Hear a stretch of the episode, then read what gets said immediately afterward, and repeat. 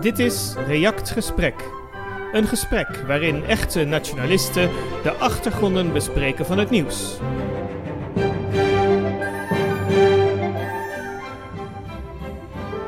Buiten is het 14 graden. Binnen zit Sjors Remmerswaal.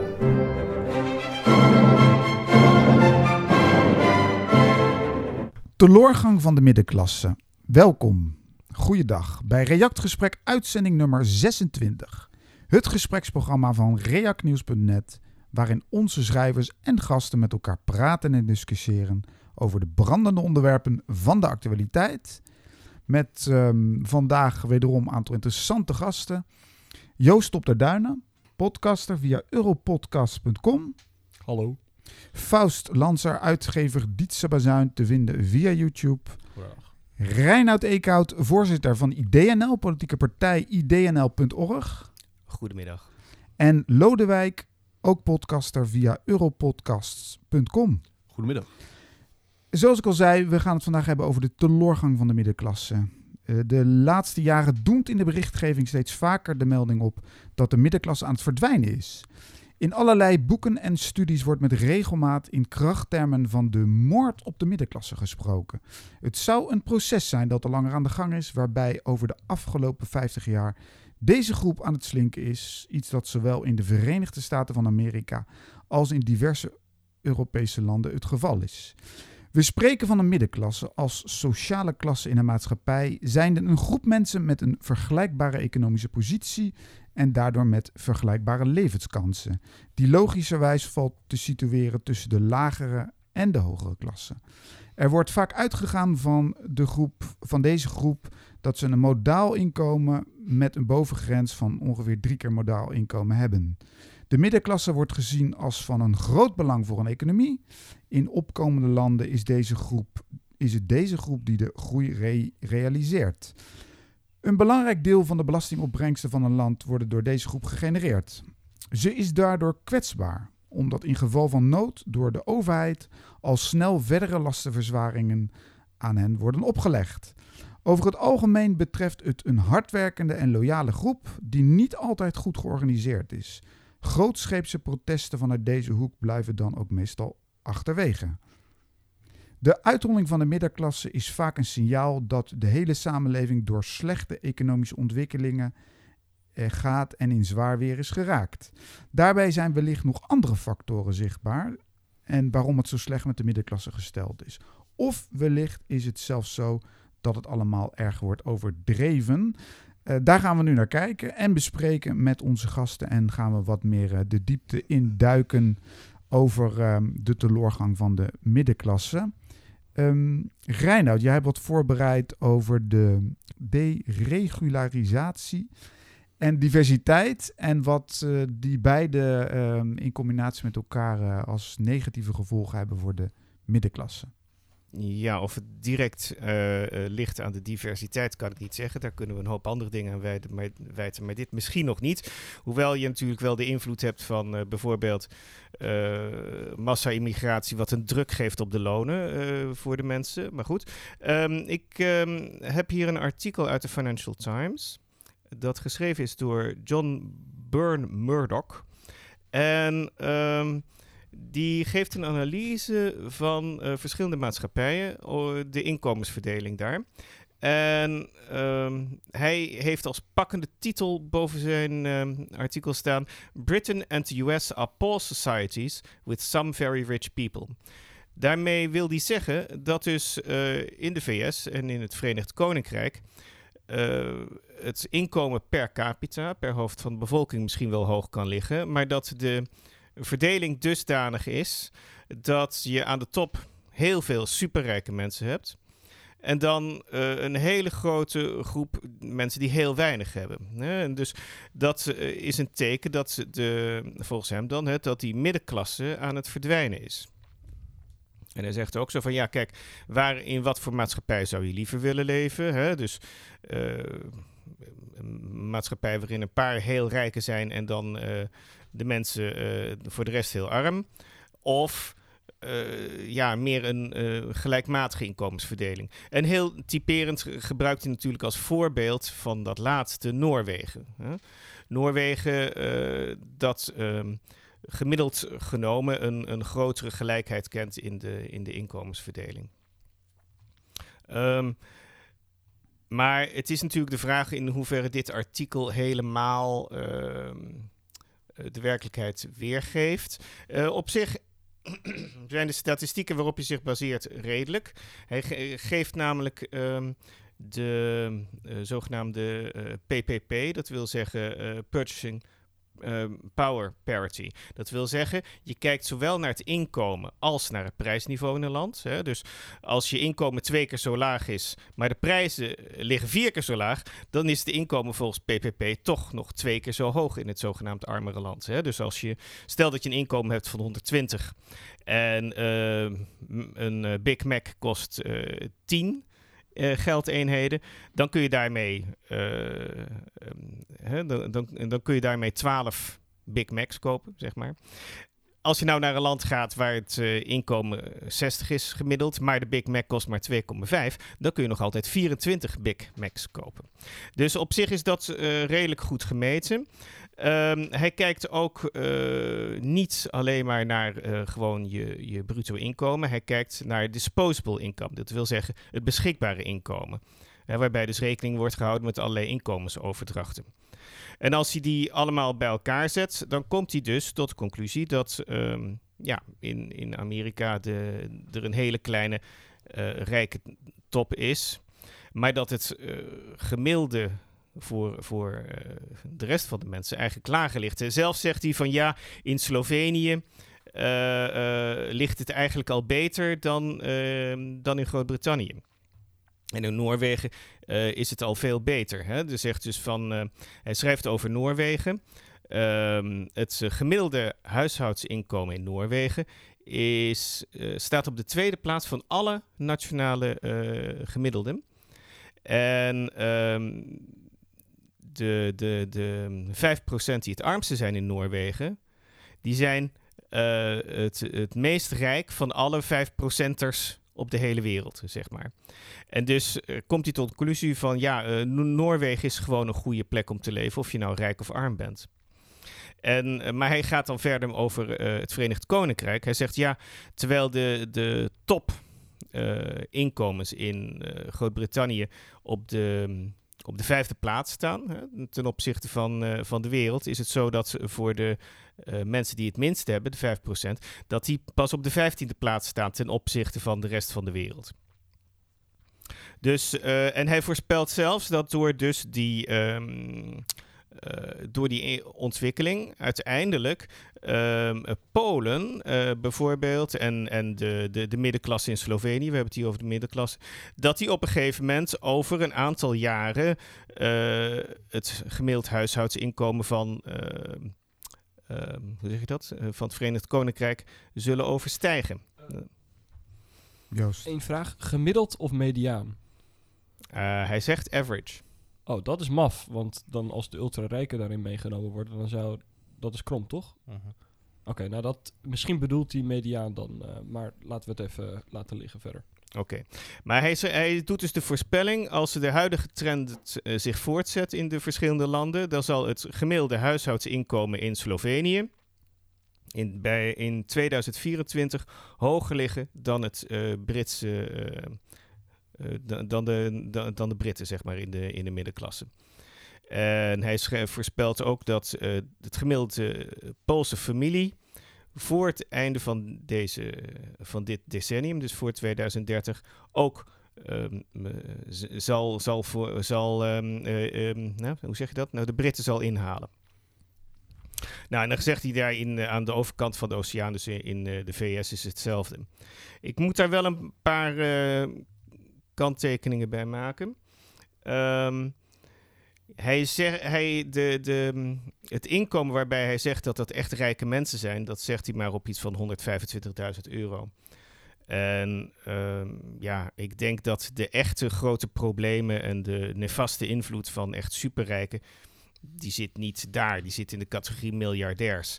Dus ik vind het een beetje uh, gechargeerd om mensen die ja, het inkomen hebben van een, misschien een internist of zo, om die gelijk tot de superrijken uh, te rekenen die dan uh, ja, van slechte invloed zouden zijn. Ik heb toevallig samen met Joost hebben wij gisteren de cijfers doorgenomen van de vermogens uh, van de Nederlandse huishoudens in Mm. per percentiel. ja. En dan zien we dus dat eigenlijk ehm, de bovenste 1% zit bij een vermogen van 2,6 miljoen of hoger in Nederland. Uh, ja, dus om in de Joost. bovenste 1% te kunnen, moet je iets van 2,5, 2,6 miljoen hebben. Ja. Mm. Nou, dan wil dat natuurlijk niet zeggen dat er niet hogere vermogens zitten. Het bovenste kwart daarvan, die zat op 110 miljoen of zo. Ja. Dus Nee, nee, nee, nee, nee, nee, nee, nee, nee, nee. Om bij het Joost. bovenste kwart van de bovenste 1% te horen, dus zeg maar de bovenste 0,25%, had je nodig. Oh nee, 6, 6 miljoen of zo. ja, had je maar iets van eh 6 miljoen. Nou Ja. ik zeg maar. Ja. Ja, Nederlanders zijn kennelijk toch niet zo rijk. In de VS zal het wel anders Nee, maar ze waren wel goed ja, je voor hebt een- 6,8 miljoen nodig Ja. om erin te Maar ze komen. waren wel goed voor een collectief vermogen van iets van 250 miljard. Ehm, ja, dus het collectieve vermogen van, ehm, van, van die bovenste 1%. En het gaat om huishoudens, niet personen. Mhm. Dus dat zijn. ehm, hoeveel huishoudens waren dat ook weer? Dat zijn ongeveer 80.000. 20.000 huishoudens, want dat is een kwart van 80.000. Ja, ja. Ehm, en hun collectieve vermogen is 278 miljard. Dus dat is zeg maar waar we het over hadden. En als we dat even, als we, één Elon Musk. ja, als we even ter vergelijking nemen, de bovenste 17 percentiel, dus alles onder de, 7, dus 17% van de bevolking, staat negatief. Mm. Als je eh, de, vanaf het 17e tot iets van het 60ste percentiel neemt, dan hebben die bij elkaar nog niet hetzelfde als het bovenste kwart van 1 Ja. Ja. Ja. Ja. nou dat zeg je heel Dus- snel. Het zal wel zoiets zijn inderdaad. Dat is ongeveer dat. Maar het, gaat, het, ja, Ja. maar het gaat er dus om. Hè, dus eh, ja, als je kijkt naar mensen die 125.000 euro binnenkrijgen. Dat is niet echt ehm, de, het extreme waar we het over hebben. Het extreme waar we het over hebben zit, veel, zit bij de Nou, veel er, is, hogere. er is een groot verschil tussen vermogen en loon in die zin. Want Oh, ja. Vermogen van 125.000 euro, dat was in Nederland nog wel redelijk eh, toegankelijk. Dat was ongeveer 50 of zo procent van de bevolking heeft dat of wel meer. Hoeveel? Eh, bij 125.000. Als je even in de tabel... Als je het eh, huizenbezit meerekent. Als je het huizenbezit en, en nee, dus netto, schulden en huizen en Ja, ja. apotheek en alles van elkaar afgetrokken. Als je 125.000 euro hebt eh, in 2020, dus we lopen even twee jaar achter. En met de huizenprijzenstijging is dat significant. Maar we doen even alsof we in 2020 zijn. Dus als je in 2020 125.000 euro of meer had, dan zit je ergens bij het 61ste percentiel of Dus hoger. 39. Dus, dus vij- 40% van Nederland heeft meer dan 125.000 euro. Maar als jij 125.000 euro aan loon binnenkrijgt, dan heb je natuurlijk sowieso meer vermogen dan dat. Vrij snel opgebouwd. En Ja, dan zit je als een je veel niet de hele hoger percentiel van de hoeveelheid bevolking qua loon. Eh, qua vermogen bedoel je? Ja, nee, Nee. Voor het als jij Oh, nee, 125.000 oké, nee, je hebt euro per Ja. jaar verdient, dan bouw je natuurlijk binnen enkele jaren al snel een vermogen op van 125.000. Dus ik Ja. heb de inkomens... We lopen nu een beetje op onze zaken vooruit, maar ik Ja, denk, misschien ik noem moeten het we wel. dat niet doen, eerlijk gezegd. Oké, nou dan, dan laat ik het Ja? daar. eh, ik wou bij. namelijk nog even eh, eh, enkele opmerkingen maken en dan geef ik het stokje door. Ja, geen probleem. Ehm, waarom is het juist zo dat ehm, de superrijken het probleem zijn? Het is, het is kijk, een, een inkomensverdeling die heel ongelijk is op zich al natuurlijk eh, sociaal gesproken, over het algemeen denk ik, kun je wel zeggen, eh, niet voordelig. Maar het gaat vooral om de super, superrijke top. Dus het gaat niet om mensen die 125.000 euro hebben, volgens mij. Het gaat om diegenen die echt veel geld hebben en die dus hun geld gebruiken om politieke invloed te kopen. Hè? We, hadden het er op een gegeven moment in in een ander gremium erover, zo van ja, waarom eh, zou bijvoorbeeld iemand als Poetin zoveel geld eh, hebben? Hij heeft toch al zoveel? Ja, dat is om dus, omdat hij politieke invloed moet kunnen veiligstellen. Hè? Dus dat is, eh, geld is macht. Dus boven een bepaalde hoeveelheid geld is het een, een manier om politieke invloed eh, te kopen. En omgekeerd, als je een heel veel arme mensen hebt, dan is het, is het kopen van stemmen ook super goedkoop. Ja, dan kun je met, met heel weinig eh, middelen kun je behoorlijk veel doen in eh, democratie om, om stemmen te kopen. Dus de mogelijkheden voor corruptie zijn aanzienlijk groter als je die twee dingen bij elkaar voegt. Eh, en corruptie is natuurlijk ook heel is niet alleen onrechtvaardig, maar het is ook heel slecht voor de economie. Want het betekent dat niet degene eh, die het best werkt het contract of de baan krijgt, maar dat mensen worden voorgetrokken. Ehm, en corruptie kan natuurlijk, eh, zien we ook bijvoorbeeld op basis van overheidsbeleid. Een berucht voorbeeld is Zuid-Afrika, waar zwarten worden voorgetrokken vanwege hun ras. Nou ja, daardoor komen dus niet de meest competente eh, mensen in aanmerking voor contract of banen. En dat, dat heeft dus rampzalige gevolgen. Dus ik denk dat als je eh, naar een scheve inkomensverdeling kijkt, dan moet je vooral kijken aan de ene kant naar dus de mogelijkheden van corruptie, omdat ja, eh, mensen makkelijk omkoopbaar zijn als ze arm zijn. En omgekeerd dat mensen die superrijk zijn, dat die natuurlijk veel gelegenheid hebben om politieke invloed te kopen. Daar wil ik het even bij laten. Mijn vraag zou dan zijn: eh, hoe leidt de middenklasse onder het gegeven dat de superrijken steeds, meer, steeds rijker worden en ook steeds meer invloed eh, eh, hebben op het beleid? Nou ja, de middenklasse neemt dus af in, in grootte. Hè, dus steeds meer mensen die worden ofwel, sommigen misschien bij de superrijken, maar dat is vrij onwaarschijnlijk. Die komen dus steeds in een, meer in een lagere inkomenscategorie terecht. Dat is eh, volgens mij wat er gebeurt. Vast. Daar wil ik wel op inhaken. Eh, de consequentie van dat eh, superrijken dus met hun geld politieke uit- invloed uit kunnen oefenen, is dat zij dus steeds meer van het eh, vermogen van een land en economisch potentieel naar zich toe trekken. Ehm, neem bijvoorbeeld eh, de, de, de trend in de economie naar, le- naar leen leasecontracten. Je telefoon is op abonnement, je auto is lease, je, je fornuis, je koelkast enzovoort zijn allemaal leaseconstructies. Je kan nu bij Coolblue bijvoorbeeld je, je koelkast, je hele keuken laten leasen. Het grote probleem dan natuurlijk is dat je eigenlijk geen vermogen opbouwt zelf. Want je, het is, je kunt het misschien wel op afbetaling doen, maar je hoeft maar één keer je baan te verliezen. Ze komen alles weer weghalen en je hebt niks opgebouwd. You will own and you will, nothing and you will be happy. Ja, dat idee inderdaad. En die constructie die zien we natuurlijk ook in het beleid. Die landen voeren met bijvoorbeeld belastingbeleid. We zien dat... ehm, de beroemde voorbeeld is natuurlijk Rutte, die probeerde dividendbelasting af te schaffen. Ja, op instigatie van Unilever. Ja, ehm, exact. Ehm, en in het Verenigd Koninkrijk is in het belang van het eh, Britse bedrijfsleven is de dividendbelasting ook daadwerkelijk afgeschaft. Dus En Dus- in, in, in, het, Juist. in, in, in het Britse Koninkrijk heb je nog die bizarre constructies rondom de City of London, die wel Ja. even genoemd moeten worden trouwens. Ja, dus wat we zien is dat, dat eh, de, sowieso de centralisatie van macht in dingen zoals de EU, waarin handelsbelangen en economische belangen veel meer gewicht hebben dan eh, de politieke belangen van de middenklasse. Sociale en dat, belangen. ja, exact. Dat dat ertoe leidt dus dat het, de, het nieuwe wetgeving wordt aangenomen die voordeliger is voor bedrijven en ten koste gaat van de middenklasse. Dus daar, daarin zit denk ik wel het grote probleem. Ja, dus de middenklasse wordt steeds zwaarder belast en eh, de voordelen gaan eigenlijk naar de mensen die eh, al een hele hoop hebben. Joost. Ja, een tweede vorm van macht die kapitaal met zich meebrengt natuurlijk is dat je een stemrecht krijgt bij aandeelhoudersvergaderingen. Althans, als je het in aandeelhouders, eh, als je het in aandelen bewaart. En toch als je stevig kapitaal hebt, dan zal een groot stuk in aandelen liggen. Of je, eh, dat is gewoon verstandig om te doen. En eh, de middenklasse schiet zich daar dubbel in de, in de voet wat mij betreft. Nummer één is, dat hebben we in Nederland gewoon niet geweldig geregeld. Namelijk je pensioenmanager, hè, de, de, de directeur van je pensioenfonds, die heeft in principe het stemrecht van de aandelen die jij in je pensioen aan het opbouwen bent. Dus je geeft je stemrecht weg als je je pensioen eh, eh, laat, laat opbouwen. Door, en dat kan niet anders in Nederland. Hè? Dus dat is één. En nummer twee is, als middenklassers überhaupt aandelen kopen, Is het vaak via een hedge fund? dan kopen ze het vaak via indexfondsen of via een eh, ING-bank belegd voor jouw fonds of een noem het maar op. En dan alweer geven ze hun stemrecht weg, hun aandeelstemrecht geven ze weg Ja. aan die fondsbeheerder.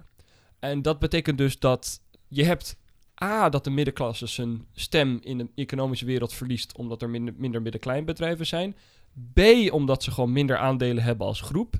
En dan nog C, omdat als ze aandelen hebben, ze niet zelf het beheer ervan over kiezen te En de hebben. consequentie daarvan dan natuurlijk is dus dat er inderdaad grote fondsen zoals BlackRock en Vanguard kunnen besluiten dat ja, we hebben wel een eh, diversity beleid nodig bij Shell en eh, dat soort zaken. Ja, dus Exact. ze leggen daarmee die, die eh, linkse agenda op aan het bedrijfsleven. Ja, en als men het daar al niet mee eens is als aandeelhouder, dan doet men daar al Nee, mee. de, de, de, die, de middenklasser die gewoon zijn ehm, met pensioen op 60 fonds van Fidelity heeft, of weet ik veel wat.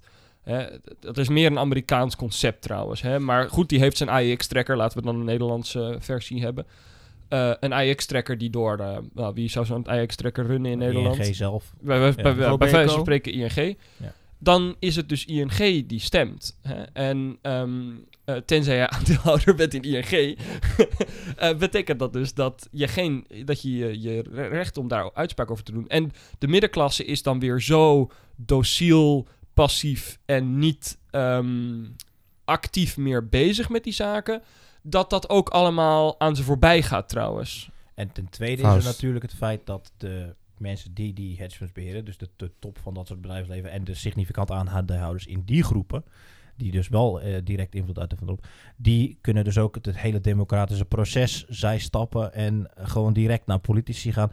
Want we zien dus bijvoorbeeld, eh, momenteel werkt Balkenende bij eh, Lloyd, een van de grootste vijf accountantsbedrijven ter wereld. En ze gaan zomaar door ex-politici, hebben heel vaak carrières in dat soort topbedrijven. En dat is natuurlijk niet direct aantoonbare corruptie, maar het is wel duidelijk dat het lobbyisme met gunsten, politieke Ja, ja, ja. We zullen zeggen met een gunstige vooruitzichten. zeg In- in maar, de- als ze bepaalde beslissingen nemen. In de VS zijn er natuurlijk veel giftigere voorbeelden altijd aan te wijzen. Hillary, die voor honderdduizenden dollars praatjes kwam geven bij Goldman Sachs, als ik het me goed herinner. Of misschien was het net aan Nee, 100.000 euro, maar Meer dan 300.000 euro in één herfst van 2013 was dat volgens mij. Ja, ja. Dat, eh, dat is natuurlijk ook erg kostbaar wat ze allemaal te vertellen heeft. Maar of het 300.000 euro waar, eh, gulden waard is, Rond de 300.000 dollar. dollar waard is. Juist. Ik begrijp ehm, dat eh, Joost en Faust ook een hoop data hebben verzameld. eh, Mag ik nog één vraag stellen? tussendoor? Natuurlijk. Eh. Joost, is het in andere landen is het anders met het stemrecht van eh, leden van pensioenfondsen? nou ja, kijk, eh, dan, ik weet niet precies hoe het zit met pensioenfondsen. Ik, dit, is iets, dit, dit, dit, dit economisch stemrechtverlies is misschien bijna een aflevering op zichzelf waard. Want het is iets waar onze luisteraars een actievere rol in hun leven mee moeten gaan spelen. Zeker als ze wat geld hebben. Maar als we het in andere landen hebben, ehm, eh, eh, dat valt nog vies tegen. Het Amerikaanse voorbeeld zou Oh, 401k zijn. Ja, dan de heb je 401k zelfbeheer. is precies hetzelfde. Je betaalt elke maand een bepaald bedrag aan een fonds dat voor jou investeert. Maar niet helemaal. Want in je 401k, afhankelijk van hoe je hem kunt construeren, kun je gewoon zelf, geloof ik, ook aandelen kiezen als je dat wil. Hè? Of er zijn van die constructies waarin dat mogelijk is. Maar daar komt het dus weer. De eeuwige luie middenklasser, de politiek luie middenklasser en de dociele middenklasser.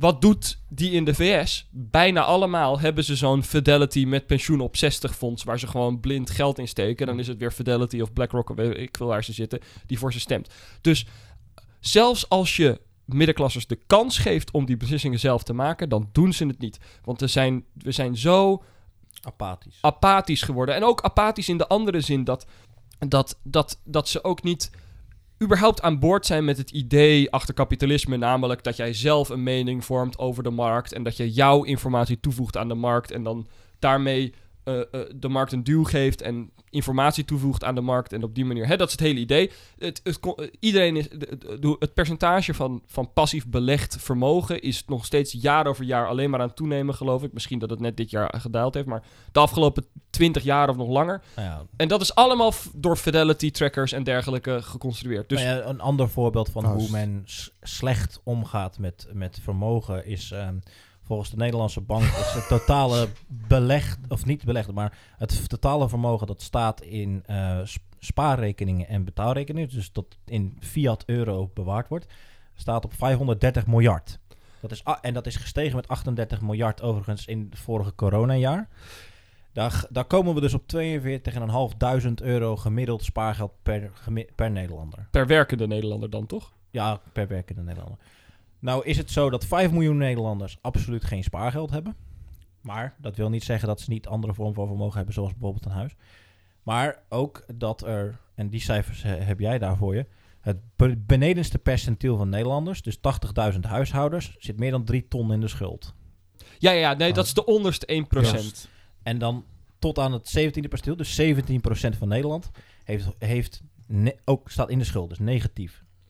Ja, ik geloof dat ergens bij het 17e percentiel. Dus, Ja. dus, dus, dus de onderste 1 zevende van onze maatschappij heeft een netto negatief vermogen. Of, of voor het grootste stuk in feite nul. Hè? Dus het merendeel heeft in feite een vermogen van nul. Dus dat, dus wat betekent dat dus? Dus dat betekent dat die 530 miljard die op betaal- en, en spaarrekeningen staat, zwaar geconcentreerd is aan de top. Dat er een, een, een bepaald segment van de bevolking is aan de, boven, aan de bovenste kant die verschrikkelijk onverantwoordelijk omgaat met dat vermogen dat ze hebben. Die dus een Die het groot gewoon op de vermogen bank laten hebben. staan. Ja, En die het gewoon op de bank laten staan. die hebben tonnen op Ja. spaarrekeningen staan die nu 0 euro rente... eh, die, die het ja, weg laten infleren. Ja, weg, door de inflatie ja, wordt ja, het ja, steeds ja, meer. ja. Dus dat is... eh, dat, eh, Maar dat wil, je wilt ermee aangeven hoe, hoe passief eigenlijk de mensen zijn met Hoe, hun hoe onverantwoordelijk de middenklasse soms is met het vermogen. Ja, want dit betekent dus dat Joost. we, dat betekent dus dat we mensen hebben die de kans hebben om de sprong te maken. Als jij tonnen op je spaarrekening hebt, dan heb je de kans in feite om de sprong te maken naar, ehm, naar van, van, van zeg maar hogere middenklasse naar onderkant van de bovenklasse, om het maar zo te zeggen. Want ik, laten we even zeggen, hoe definiëren we die klassen? Het, het, het is allemaal grijs geworden, daar gaan Faust en ik het dan nog wel over hebben. Maar als we het even heel ruw definiëren, dan is eh, dan heb je arbeiders of de, of de onderklasse, of hoe je het ook wil noemen. Dat zijn mensen die überhaupt geen vermogen opbouwen. Die hebben bijvoorbeeld een huurhuis. Nou, dat is niet per se zo. Arbeidersklasse Ja. is meer dat ze echt afhankelijk zijn van hun salaris. Ja, ja, maar de middenklasse is ook afhankelijk van hun salaris. Ja. Dus mijn punt is, een, ik splits het even. Arbeidersklasse is dan vaker on, on- of laag opgeleid. Ehm, vaker geen echt vast vermogen ergens zitten, zeg maar. En je maakt de sprong naar de middenklasse zo gauw als dat je kapitaal aan het opbouwen bent. Ik wil hier even dus een, een beetje Baudrillard's eh, eh, 20e eeuwse stereotypes even erin halen. Baudrillard was een Franse filosoof die zegt dat we een beetje vastzitten met ons denken in de 20e eeuw qua, qua beeldvorming. dat hele klasseindelingssysteem werkt niet goed meer. Want Nee, je hebt dus eens. je hebt schoolverlaters met tonnen vermogen Ik die gewoon het. een vak hebben geleerd het. en een bedrijf zijn gestart. De, de, de, de, je hebt een significant deel van wat we vroeger de arbeidersklasse zouden noemen. Dus mensen die een, een vak uitoefenen. Hè, de, de, de geschoolde arbeiders. Die, of zelfs zwaar ongeschoolde arbeiders die gewoon een, een bedrijf starten. En daarmee een aardig vermogen opbouwen. Dus je hebt daar een heel segment van die bevolking die Exact. traditioneel in die eh, klasse zou zitten. Maar eigenlijk qua vermogen eerder in de middenklasse of Ja. hoger zit. Eh, arbeidersklasse werkt ook niet meer zoals Faust correct zegt. In de zin dat je, de, eh, er zijn ontzettend veel arbeiders die ver voorbij de, het gemiddelde kantoorbaantje verdienen. Mhm. Eh, soms zelfs ver voorbij universitair opgeleide kantoorbanen, vaak genoeg. Eh, hè, want als jij een, eh, als jij een hoogopgeleid, als jij een goed ervaren elektricien bent, bij wijze van spreken, dan kun je meer verdienen. Zeker als je in een klein beetje meer gespecialiseerde ZZP-rol zit. Dan bijna alle meiden die van een of ander psychologie HBO of, ja. weet ik veel wat studie afkomen. Dat is gewoon zo. Ehm, en je hebt dus hordes HBO'ers die afstuderen. En die in eh laag verdienende, of, of verhoudingsgewijs nog steeds meer, waarschijnlijk vaker hoger dan het gemiddelde loon, maar ruimschoots onder modaal zitten. Oké, dus eens, eens. Maar we, ik moet even een definitie maken. En dus dan hadden we de middenklasse die bouwt vermogen op, maar is afhankelijk van zijn salaris. En dan hebben we iets, hadden we iets, dat heette dan de bovenklasse, de leisure class, de adel, noem het maar op. Die verdienden hun geld door vermogensbeheer. Door rentenieren. Dat feite. waren rentenierders. Die waren de leisure class omdat ze hun vermogen te werk stelden. En dan hadden ze wel een soort van werk, namelijk... Het beheer van het vermogen. Ja, dat kan en- best veel werk zijn namelijk. Exact. In theorie, en dat is dan, hè, dan komt het kapitalisme weer, dan moet die persoon dus bedenken, waar moet de economie naartoe? Wat hebben we in de aankomende 20 jaar nodig? Waar ga ik mijn kapitaal te werk stellen? Dat is een, dat is een economie-managende, decentraal economie-managende baan. En het bizarre is dus dat die baan verdwenen is, in feite. Eh want mensen hebben die baan geoutsourced ehm, eh, aan fondsen, die daar dus hun fulltime werk van maken om dat te doen. Ja.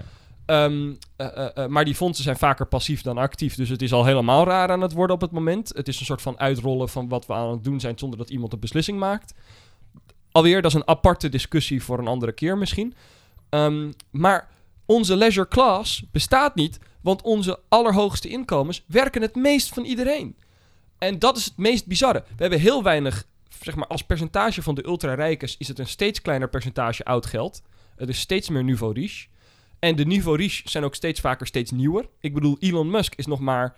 i- wa- wa- Was toen die startte gewoon een normale hogere middenklasser. En is nu de rijkste man op aarde. Kun je een tijd in de, in de geschiedenis van de mensheid aanwijzen... waarin iemand in een periode van op zijn best 30 jaar... springt van een hogere middenklasse naar letterlijk de rijkste persoon op aarde. Dat Ja. kun je niet aanwijzen. Dat is ongekend. En dus wat zien we ook, en dit, is, dit maakt het nog giftiger, onze toestand in de zin van verhouding tussen de middenklasse en de bovenklasse. Want ik gooi dan nu gewoon de bovenklasse op die hoogste 1%, 2%. Maar in Nederland valt dat dan dus nog een soort van mee. Daar gaan we het nog ook wel eh, zo meteen twee seconden aanraken. Die verdienen hun geld omdat ze in een C-suite functie zitten of omdat ze opstarter van een bedrijf zijn, die gewoon ziekelijke bedragen uitbetalen per maand of gigantische bonussen. Maar ze hebben vaak aan het begin van hun loopbaan helemaal niet zo heel veel vermogen. En er is ook geen en dat vermogen weten ze ook heel vaak niet succesvol door te geven door de En, generaties er is heen. ook dus een, en dat is een klassieke fout die links maakt, is dat ze dus de inkomstenbelasting willen verhogen voor de ho- hoogste inkomens. Maar het hele probleem is dat de hoogste inkomens verdienen het niet in de vorm van loon. Wij zaten dus ook bijvoorbeeld naar de vacatures te kijken op de Zuidas. Ja. En dan begon het bijvoorbeeld, nou ja, bij Flow Traders was dan het voorbeeld. Je begint met een salaris van 50.000 euro. Nou, Ja. Dat klinkt best aardig. Maar dan krijg je dus, wat was het, nog eens 50.000 euro in aandelen uitgekeerd. Ja. Je krijgt eh 130.000 euro in... eh, Marktafhankelijke bonus. Ja, en je kreeg dan ook Dus nog dat is niet iedere keer 130, hè? Dat betekent dat ze Ja. soms 0 krijgen. Nou, 0 zal Ja. wel niet gebeuren, maar soms 0 en soms 500.000 euro, Ja. bij wijze van spreken. En dan was er nog een winstregeling. eh, eh, dus, dus je zat al snel boven de 3 ton. Mm. Eh, en waar maar 50.000 euro loon van is. Dus de, de loonsbelasting is, is niet een effectieve maatregel tegen dat soort inkomensopbouw. Want die bouwen het niet op op, op die manier. Net zoals Ja. dat CEO's in Amerika voor een heel groot deel hun, hun dan krijgen ze 3 ton betaald in loon. Dan krijgen ze 2 miljoen in aandelen op. ik weet niet hoe dat precies En dat, zit. Het probleem is natuurlijk ook met die aandelen Ja, nou. dat ze dan alles zullen proberen om die aandelenprijzen zo hoog mogelijk te, Maar te dat is de maken. hele reden dat ze ook de CEO's uitbetalen in aandelen. Ja, Nee, ja, dat is wel op zo, maar dat, dat Maar werkt goed, we natuurlijk, maken het dat werkt dus, werkt dus in zoverre nadelig dat eh, ze vaak dan maatregelen nemen op korte termijn om die aandelenprijs op te drijven. Wat op lange termijn eh, grootste slecht gevolg kan hebben. Oh, dat is ook, maar dat is, IBM, daar, laat- is helemaal, IBM daar zijn- is helemaal daar uitgeholpen zijn nog bijvoorbeeld. meer redenen Laat voor ons daar niet over beginnen. Want als je eenmaal dat, dat pad inslaat, dan, dan, dan gaat mijn commentaar op hoe de economie nu geregeld wordt helemaal op hol. Ik heb dan nog Dus even we- we- nog, we- nog één ding belangrijk is, want Sjors zei aan het begin dat de middenklasse gedefinieerd wordt voor een deel door het feit dat ze modaal of hoger verdienen. Dat is dus niet waar. Modaal betekent niet gemiddeld. Dat is een denkfout die, die volgens mij doelbewust bevorderd wordt door de overheid in de media. Want modaal betekent slechts het meest voorkomende cijfer. Dus het meest voorkomende...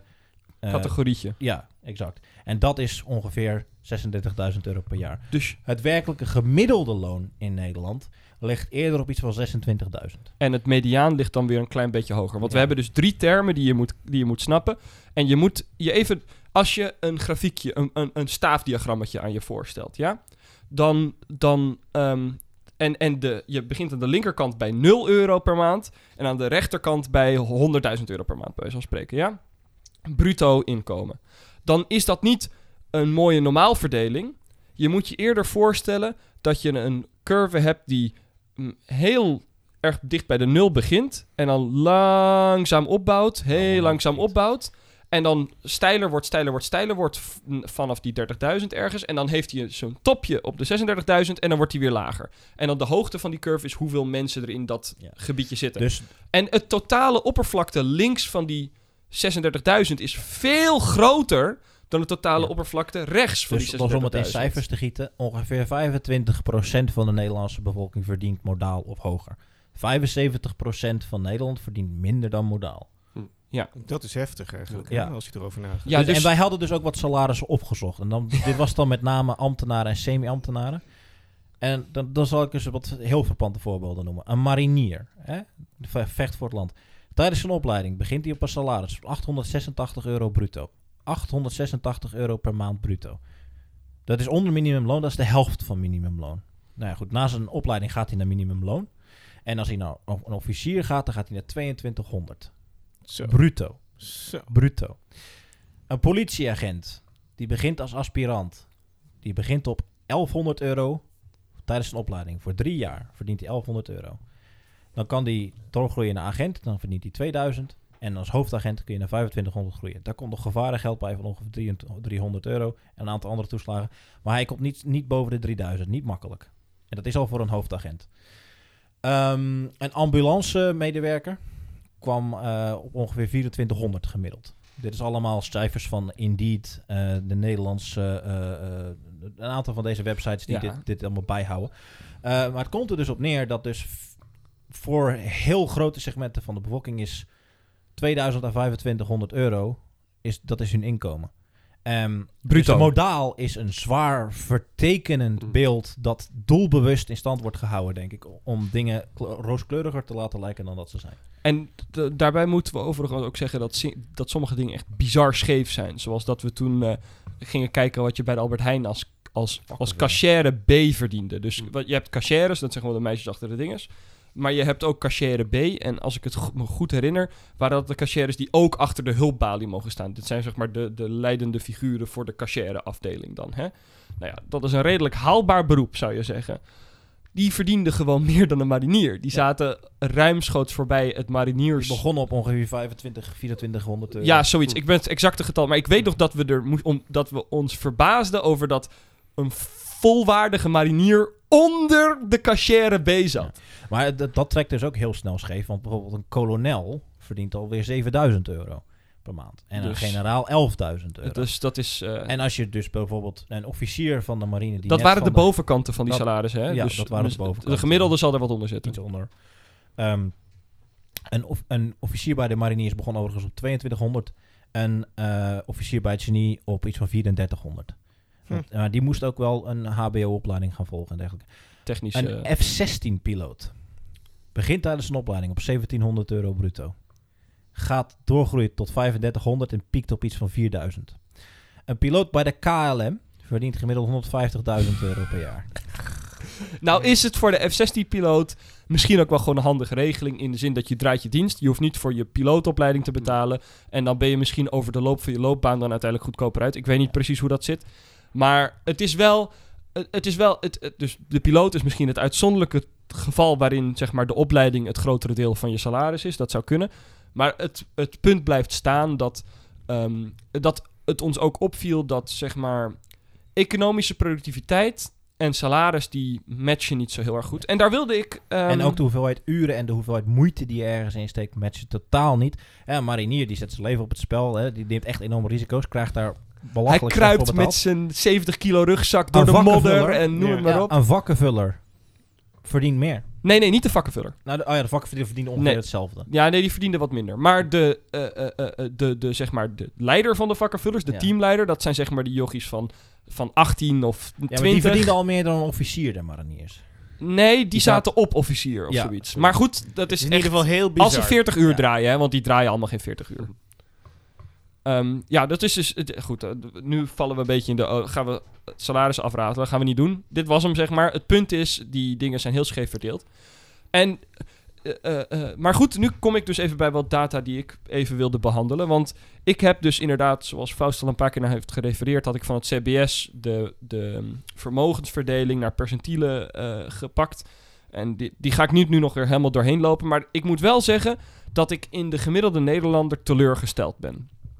In de zin dat ehm, eh, eh, het naar mijn mening ook een beetje is dat de middenklasse het er toch wel een beetje naar maakt. eh, dat, die- dat het hem niet. ehm, dat hij het niet. Dat hij het niet haalt, soort van, om, om, om vermogensopbouw te doen. Want we hebben ook van het CBS natuurlijk de vermogens van huishoudens bij percentiel. En die gaan als volgt. Ehm, je hebt ze trouwens dan in allemaal categorieën. Je hebt de bruto inkomens en dan proberen ze besteedbaar inkomen uit te vogelen. Ehm, en dan zie je dat Nederland een stuk eerlijker... Dus we zitten meer in de categorie Noorwegen dan ehm, de categorie ehm, VS. VS of categorie V- Verenigd Koninkrijk. Want percentiel besteedbaar inkomen bij tiende percentielen is een enigszins lineaire lijn. Dus die start op 16.000 euro besteedbaar voor de onderste... Of nee, laten we huishoudens zonder studenten pakken. Eh, die start op 18.000 euro besteedbaar inkomen voor een huishouden bij de onderste 10 percentiel. Ehm, ja, dat is per jaar. En besteedbaar is geloof ik, moet je wel je huur van doen en eh, je energierekening, maar... Besteedbaar is min je vaste lasten, ja. Ja, nou ja, goed. Ehm, eh, eh, nee, maar wel je huis van vaste last zit er geloof ik dan weer wel in. Het is een beetje raar, maar dat doet er niet toe. De bovenkant, de 90ste percentiel, die zit op 80.000. Dus dat is zeg maar een besteedbaar... Dus, en, en daartussen gaat het redelijk lineair omhoog, weet je. Dus we gaan van 18 naar 22, naar 27, naar 30, 38, 46, 54, 65, 81. Dus eh, het Nike-logo. Op het laatst gaat die nog wel een beetje meer. Maar het valt, het, het valt een soort van reuze mee. Het is niet alsof je een onderkant hebt die gewoon helemaal... Nou ja, die 16.000 die doet misschien tot op zekere hoogte wel een beetje spek en bonen mee. Maar je hebt, je hebt een daadwerkelijke middenklasse in besteedbare inkomens in Nederland, kun je wel stellen. Ehm, in En vermogen... Heb je ook inzicht in de verandering? Ja, dus ik, ik moet me Nee. toe... Ik moet, ik, die heb ik wel een beetje voor... ehm, eh, die heb ik wel een beetje voor vermogen. Maar zo ver voorbereid was ik niet. Op een gegeven moment wordt het ook gewoon een studie eh, om het allemaal te Ja, doen. ja. ja. Lodewijk. Eh wat ik nog wel even wil aanhaken bij wat Faust net zei, is natuurlijk inderdaad dat 25% van Nederland verdient maar modaal. Ja. En minder dan 10% van woningen eh, is, toegankelijk voor iemand met een modaal inkomen momenteel. Dus Ja. de woningprijzen zijn zo dusdanig gestegen dat je met een modaal inkomen kan je bijna nergens terecht in Nederland. Eh, in, de, in, de, in de Randstad bijvoorbeeld zijn misschien 3% van de woningen zijn, eh, ja, zeg maar toegankelijk voor mensen met een modaal inkomen. Dus dat is denk ik wel een van de grotere problemen die nu speelt. Zeg maar. de, de, de middenklasse zelf, hoe je het definieert, is misschien- misschien wat anders. Maar eh, de Ja. toegankelijkheid voor een eigen woning, dat, dat wordt ook... eh, Ja, Ja, daar gemiddeld- heb je gelijk in. Als we... Gemiddeld- Gemiddeld moet men dubbel Oh. modaal hebben. Dus Ja. tw- tw- twee modale inkomens. Hm. Want de huisprijs ligt op het moment op iets van 449.000 euro. Hm. Gemiddeld. Dus dat wil zeggen, in Amsterdam betaal je nog een stuk meer. En in Friesland betaal je een stuk minder. Maar Ja. goed, gemiddeld getrokken. Nou, daar kom je dus al eigenlijk niet aan eh, met twee modale inkomens. Behalve als je spaargeld mee hebt. Het verklaart ook misschien waarom er zoveel spaargeld ligt op Nederlandse rekeningen. Ja, nou ja, goed. Joost. Eh, eh, eh, dat, dat, dat klopt. Al is dat misschien meer een probleem van woningtekorten, want het bouwen van een woning is niet zo duur. Hè? Dus als een woning geprijsd zou zijn op zijn prijs om er eentje te bouwen, en de, de, de correcte prijs voor een woning is de prijs om een woning te bouwen plus de infrastructuur eromheen. Dat is zeg maar hè, een, dat, dat je een weiland kan nemen en dat je kan zeggen: dit wordt een woonwijk, bij wijze van spreken. En dat je dan. Dat, dat totaalprijsje per woonruimte is, ehm, is de pr- correcte prijs van de woning. Die kosten zijn heel erg uit elkaar gaan lopen de afgelopen 10, 15 jaar. Zeg maar. Ja. De grondstoffenprijs tegenover gemiddelde woningprijs zeg maar, en gemiddelde bouwkosten en gemiddelde woningprijs zijn heel erg uit elkaar want de bouwkosten zijn ook alleen maar gedaald. Als je kijkt Ja. naar hoe een wijk tegenwoordig gebouwd wordt. Ik bedoel, het, het- eh, wat het langst duurt is het heien. Dan komen ze met prefab muren, die worden aan elkaar vastgecement. Ze doen er een façade van baksteen overheen. En dan staat eh, het casco al. Ja, dus. Dus, eh, dus maar ja, goed, we hebben dus eh, kennelijk een beetje tekort aan, eh, aan land. Hè? Nou, Meer polders. Ja, ja. ja, er was ooit het plan, geloof ik, om het tot aan eh, de kust van Groot-Brittannië droog te leggen, toch? Ik bedoel, Ja, Doggerland 2, zeg maar. ja. Nou ja, goed. Oké. ehm, Joost. Eh, ehm, de Kortom, alle boeren moeten weg, alle natuurgebieden Nee, weg. nee, en nee, dan nee, kunnen we nog meer mensen eh, huisvesten. En dat, eh, we- Joost komt met een conclusie nog, geloof ik, over de cijfers. Eh, ja, nou ja, goed. Dus mijn, mijn teleurstelling is dus dat mensen... Ik vind het moeilijk om te geloven dat mensen in dat midden, in dat 50ste percentiel met dat besteedbare inkomen van 38.000 euro. Kijk, de huidige huizenmarkt maakt het soort van onpraktisch, hè. Maar dus, dus, dus misschien nu, op dit exacte moment, heb ik dan geen benen op te staan. Maar als we het hebben over vijf jaar geleden, toen het nog betaalbaar was om een, eh, om een woning in te schrijven. Of hopelijk als we weer die vlaag van bouwen hebben gehad over een jaartje of vijf weer. Dan, hebben ze, dan zullen die cijfers nog steeds hetzelfde zijn qua vermogen versus eh, ehm, inkomen, durf ik te wedden. En dan hebben ze weer geen poot om op te staan. Want als jij 10% van je besteedbare inkomen weet weg te leggen, ieder jaar, en je hebt, haalt daar iets van 5% eh, rendement over, dan, eh, eh, wat een haalbaar, dat is wat de Nederlandse overheid zelfs zegt dat je aan rendement moet halen Ja, bij de, de- vermogensbelasting. de- Komen we zo meteen misschien ook nog wel op. Ehm, dan kun je gewoon eitje naar die bovenste 20% d- percentiel, bovenste 10 percentiel zelfs klimmen, voordat je f- 60 bent. Weet je wel? Als jij, als jij op je 20ste uit je opleiding komt rollen, op je 23ste uit je opleiding komt rollen of wat dan ook, en vanaf dan begin je dat te doen, naast je pensioenopbouw, want dat nemen we gek genoeg een soort van niet mee in die vermogensoverwegingen trouwens. Wat in de VS dan wel gedaan zou worden. Dus dat laat Nederlanders ook als land er wat armer uitzien dan dat we zijn. Ehm, eh, eh, eh, dan, dan zou dat gewoon makkelijk, kun je makkelijk veel meer vermogen opbouwen. En dat reken ik dan onze middenklassers echt wel weer een beetje aan. Namelijk het, het feit dat ze gewoon iedere maand dat salaris tot op de laatste euro opmaken. In plaats van dat ze dus. eh, dat, ik geloof niet dat.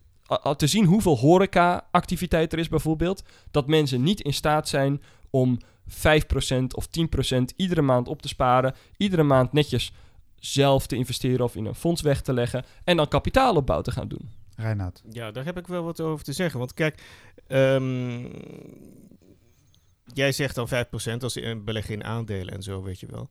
Daar hebben de mensen sowieso een beetje schrik van. En je moet niet vergeten dat in, eh, het huidige, eh, bij het huidige rentebeleid eh sparen gestraft wordt hè, ten opzichte van, van lenen. Ik zeg toch ook niet sparen? En eh, hoezo kan het enger zijn? Ja, jij hebt het wel over sparen, toch? Ja, ik heb het, ja, ik heb het over vermogen verzamelen, maar dan niet op een spaarrekening inderdaad op het moment. Maar om heel maar eerlijk goed, te zijn, dat is hoeveel dus middenklasse, griezeliger is kent het? alleen maar sparen op een spaarrekening. Ja, nou, Daar dat is- gaat het voor het Ja, dat is hun dociliteit en tekort Nee, dat is niet, dat is, het is kortzichtigheid misschien, maar het is gewoon het is een mentaliteit die past bij een vroegere tijd. Een vroegere tijd waarbij spaarders gewoon eerlijk beloond werden voor het feit dat ze geld opzij zetten. Het feit dat zij zich nog niet hebben aangepast, daar ligt het probleem. Het gaat niet zozeer dat ze, dat ze dociel zijn, het gaat erom dat zij nog Ja. steeds niet zijn gewend aan een werkelijkheid waarbij spaarders in feite genaaid worden. Die Daar werkelijkheid hebben we inmiddels al bijna 20 jaar. En als je er zo lang over doet om, een om, om simpele dingen te realiseren, dan ben ik enigszins teleurgesteld. En dan alweer, onze luisteraars die het zich nog niet hebben gerealiseerd, die hebben nu de kans om zich eh, om verlichting te bereiken en verstandige eh, dingen te gaan doen. Ja, hè? nu gaat het echt Ik- oké, ik overdrijf een niet beetje. Mee eens, nee, maar ik ben ook niet mee eens van... ehm, jij doet dat of dat geweldig is om hogerop te komen naar die groep die daar dan zit. Of dat dat het ideale leven nee, zou nee, zijn. nee, nee. En ehm, ja, ik begrijp wel, tuurlijk, als je 5% niet uitgeeft, dan bereik je meer kapitaal. Maar die 5% zou je ook in, in, in de schoonheid kunnen uit, aan schoonheid kunnen uitgeven of aan het goede leven in de, in de algemene zin. En daar heb je dan niet een veel mooier bestaan dan dat je eh, ja, alleen maar bezig bent met kapitaal en kapitaal opbouwen. Nou, maar de 5% is Ja. niet alleen maar daarmee bezig zijn, dat is één. Nummer twee is, om heel eerlijk te zijn, maar dan geef je je politieke macht op. Hè? Je, jij hebt twee keuzes. probleem. Je Mhm. gaat nu, je gaat nu als, als blok zeggen: Oké, wij gaan politieke macht opbouwen door kapitaalverzameling. Mhm. En dan kun je erbij horen, dan, of niet eens erbij horen. Dan kun je gewoon zorgen dat het hele middenklasseblok opeens allemaal over de loop van de tijd een paar tienduizend euro heeft. En een even- beetje stemrecht heeft in de aandeelverhouding. En noem het maar op. Jij, jij gooit het heel erg over de economische ploeg natuurlijk. Laat ik het zo zeggen. Kijk, eh, één groot probleem is natuurlijk politieke bewustwording. Want passiviteit is natuurlijk niet alleen een kwestie van economische ongeïnformeerdheid. Er is natuurlijk ook een kwestie dat de democratische stemmer enzovoorts in dit eh, proces nog onge- ongeïnformeerd is op meerdere zaken. Dat heeft natuurlijk ook een, een, een doelbewuste rol van de media en dergelijke erin. Maar ehm, laten we stellen dat er een bepaalde hoeveelheid van de middenklasse politiek bewust wordt. Maar ondertussen uitgehold is er op het punt dat ze het kapitaal niet hebben om er nog iets aan te doen. Het is ook wel enigszins van belang dat eh, die middenklasse de middelen heeft om dan nog politieke doeleinden te proberen te bereiken. Ja. Ja, maar ik zie niet, niet helemaal hoe de middenklasse dan politieke doeleinden zou kunnen bereiken. Want ehm, nou, via de klassieke manieren die men vroeger had. Via bijvoorbeeld sociale verenigingen zoals eh herenclubs die in hun lokale gemeentes lobbyen. Schietverenigingen, nou, die bestaan niet meer. Kerken, nou ja, oké, dat is niet echt een optie meer. Vakbonden, nou ja. Maar goed, dat soort sociale verenigingen waardoor men dat zou kunnen doen. Nou, laat Ja, ik een voorbeeld het noemen dat ik, dat ik gra- graag zou doen. Ehm er bestaan in, in, in, in Nederland niet echt meer, maar dat is wat de Rabobank ooit was, sociale kredietunies mhm. steek je kapitaal gez- gezamenlijk in, in een, een soort bank, in, in essentie. Die dus eh, ervoor gaat ze- zorgen dat de mensen die niet een, moda- een dubbel modaal inkomen hebben, wel aan een huis kunnen komen tegen een voordelige lening die in jouw politieke straatje zit. Dat is hoe dat men vroeger deed, ook tijdens de verzuiling. Daar heb je kapitaal voor nodig, voor dat soort zaken. En de Oh, mensen die jij dus aan een huis helpt, die in jouw politieke groep zitten, die kunnen dan kinderen krijgen, die zijn meer gelieerd aan je groep, et cetera, et cetera. Ja, dat is op lange termijn. Dat is ook allemaal legaal. Maar ja, dus als je kijkt naar eh, eh, hoe zeg, het grote geld zijn macht uitoefent, dat is op iets andere manieren. Natuurlijk, maar wij hebben niet het- van mensen. maar we hebben niet het grote geld. Nee. Maar dat is dus het punt. Het is blijkbaar niet zo. Het, daar hadden we het dus gisteren over. Als jij in de 98 percentiel zit, ja, dan had je 1,6 miljoen of zoiets nodig om erin te komen. Dat is als je van dat vermogen afblijft. Je haalt er niks vanaf. Je legt er geen cent bij. Maar je haalt voor ehm, voor, eh, hoeveel jaar Zes- was het ook weer? Voor, Eh, voor 15 jaar voor- 6%. Nee, nee, nee. Het was voor iets van z- 9 jaar, maar iets van... Zou kunnen, 6% in je rendement in ieder het, was geval. iets, het, was, het was maar een paar jaar. Het was minder dan een decennium, dat weet ik zeker. Moeft, hoefde je maar 6 of 5 eh, eh, eh, hele procenten real, ehm, dus, dus rente gecompenseerd, inflatie gecompenseerde Ja. Ehm, groei te hebben. Dus- Inflatie gecorrigeerd, dat is wel een belangrijke factor. Ja, dus, als we in, dus, dus de afgelopen 10 jaar hadden we misschien een gemiddeld inflatie van 2% of lager. Ja, en in die tijd kon, kon je makkelijk, makkelijk wel 6, 6 à 7% rendement halen op dat In vermogen. de- Dus als jij in de 98ste percentiel zat, dan kon je in een ja, in, in, in, in 10 jaar klimmen naar de 99ste percentiel. Ja, maar dit, dit zijn puur, dit zijn eigenlijk redelijk irrelevante eh, cijfers. Want dat zijn nog steeds niet de mensen die dit soort vermogen Nee, hebben om maar als jij nu in de macht uit te oefenen. 50ste percentiel zit en je legt ieder jaar, ik wou dat heel snel uitrekenen, ik ben niet op tijd genoeg met mijn Excel. Dat live Excellen terwijl ik een podcast doe, dat lukt even niet. Maar ik durf te wedden dat als jij, eh, eh, eh, als jij bij wijze van spreken 50 euro per maand weet weg te leggen voor 10 jaar en je zit nu in het 50ste percentiel met een kapitaal van 60.000 euro en je hebt niet eens een huis dat meerwaarde krijgt, hè, want dat leggen we allemaal opzij. Je hebt gewoon een, een, een beleggingsrekening waar nu 0 euro op staat en je gaat iedere maand er 50, eh, eh, of nee, niet eens 50 euro. Je gaat er iedere maand iets van, eh, ja, laten we, nee, laten we wel zeggen 50 euro of zoiets. 50 euro is wel weinig hoor. Maar goed, 50 ga euro per maand ga je erop gooien. Het gaat om het compound interest principe. Ja, ja. Dat, en dat is het frustrerende. Dat, dat, ja, ik wou dat ik het even snel had geëxceld. Maar ik durf te wedden dat als je, dan, als je dat volhoudt voor 10 jaar, dat tegen de tijd dat je, eh, eh, dat, dat je dan gewoon tientallen percentielen hoger zit. Dat je dan gewoon al het 70ste of 80ste percentiel ergens zit. Want dat Ja, is maar dat- een pa- dat- dat is maar kun- anderhalve ton ja. verder. Of, of twee ton verder. Daar kunnen mensen zich niet veel bij voorstellen. Nee, maar Bij dat bedoel ik. percentielen, hè, kunnen, zich, kunnen ze mensen zich niet voorstellen. Nou, dus je moet gewoon Letterlijk verhuizen in vermogen. Letterlijk verhuizen in vermogen van het midden naar de bovenste 20%. Ja, en hoeveel, hoeveel geld hebben we het Dan, heb je, dan ben je gewoon twee ton weten. verder of zoiets. Ja, ik dat zal willen mensen snel- weten. Want ja, je kunt wel zeggen 50 euro per maand en dan word je rijker op een gegeven moment. Ja, dat zegt natuurlijk mensen niks. Nee, nou ja, maar dat is dus wel waar. En eh, wat hij dus zegt inderdaad over de onverantwoordelijkheid van hoe mensen met hun geld omgaan, dat is, dat, dat is zo. Alleen aan de andere kant, ehm, het probleem is natuurlijk dat we, we doen al die berekeningen zoals we op, ook, ook bij Prinsjesdag hebben we het continu over het modale inkomen. Het daadwerkelijk inkomen ligt la- een stuk lager ja, het voor heel gemiddelde veel inkomen ligt veel lager dan het modaal. Ja, en dus betekent dat dus dat uiteindelijk mensen veel minder overhouden dan dat men op dat soort modellen allemaal berekent. En Ja. zeker met eh, dingen zoals inflatie en energie, eh, die nu zwaar omhoog gaan. Nou ja, kijk, eh, inflatie is een heel erg abstract concept voor veel mensen. Ehm, maar als ze nou zich iets zouden verdiepen en Mm. wat geld weg zouden zetten en dat niet in, in euro's, dan Nou, zouden ze al een stuk ja, verder maar komen. inmiddels is inflatie een minder abstract eh, concept geworden voor veel mensen. Want ze zien gewoon dat ze een week stijgen. later in de supermarkt kopen en alles is zoveel duurder. Ja. Kijk, bij 2% inflatie kan ik me voorstellen dat je het je niet zo erg kan boeien of dat, je, dat het abstract wordt. Maar als je op een gegeven moment weet van bepaalde eh, dingen die je kocht in de supermarkt, dat ze in één keer anderhalf keer zo duur zijn geworden, dan wordt het een stuk minder abstract voor veel mensen. Ik, ik, ik kan zelf al niet bevatten waarvoor ik stapjes omhoog zou moeten of iemand stappen omhoog zou moeten. Ik kan me natuurlijk voorstellen, in, zeker in het Nederland van vandaag, dat je dat doet om in een, eh, Nederlandse buurt te kunnen gaan wonen, want daar heb je natuurlijk veel geld nodig voor nodig. Dat kan natuurlijk een goede reden zijn. Maar En dus ik denk kinderen op een goede school. Ja, ja, dus dat, dat begrijp ik natuurlijk wel. Maar toen Nederland nog niet zo lang geleden natuurlijk geen multiculturele samenleving was, toen was het toch heel goed toeven nog in, eh, ja, tussen de, la de lagere klasse en de, en de middenklasse. En ook in die buurten, zeg maar, waar, je, ja, waar er eigenlijk geen reden was om, ehm, om omhoog of omlaag te kijken. Als je, als je natuurlijk gewoon In mijn woont. geval, mijn persoonlijke motivatie zou zijn omdat je het kapitaal wil gebruiken voor ook voor politieke doeleinden. Ook omdat jij dus bijvoorbeeld de kranten wil financieren waar jij het mee eens bent, omdat je de clubs wil financieren waar je het mee eens bent. Ja. Wat ook alleen gaat als het algemeen collectief van mensen die het daarmee eens zijn een besteedbaar vermogen hebben, waardoor ze dat ook kunnen doen. Ja, in bredere zin Ja. zouden mensen die natuurlijk minder politiek geëngageerd zijn, bijvoorbeeld in allerlei andere sociale verenigingen, hè, wat jij al zei, die eh, Klopt, ja. naar de vakbond of eh, naar de lokale hulpvereniging of iets eh, hun geld. eh, Ja, dus de verzuiling kun je er op die manier ondersteunen. Ja, en dat is de, de wederverzuiling is denk ik wel een van de weinige manieren waar we realistisch eh, naartoe kunnen werken Ja. op het moment in Nederland. Dus daar, daar alleen al voor zou ik zeggen van, oh ja, dat, dat heeft, daar heb je kapitaal voor nodig. Ja. Ja.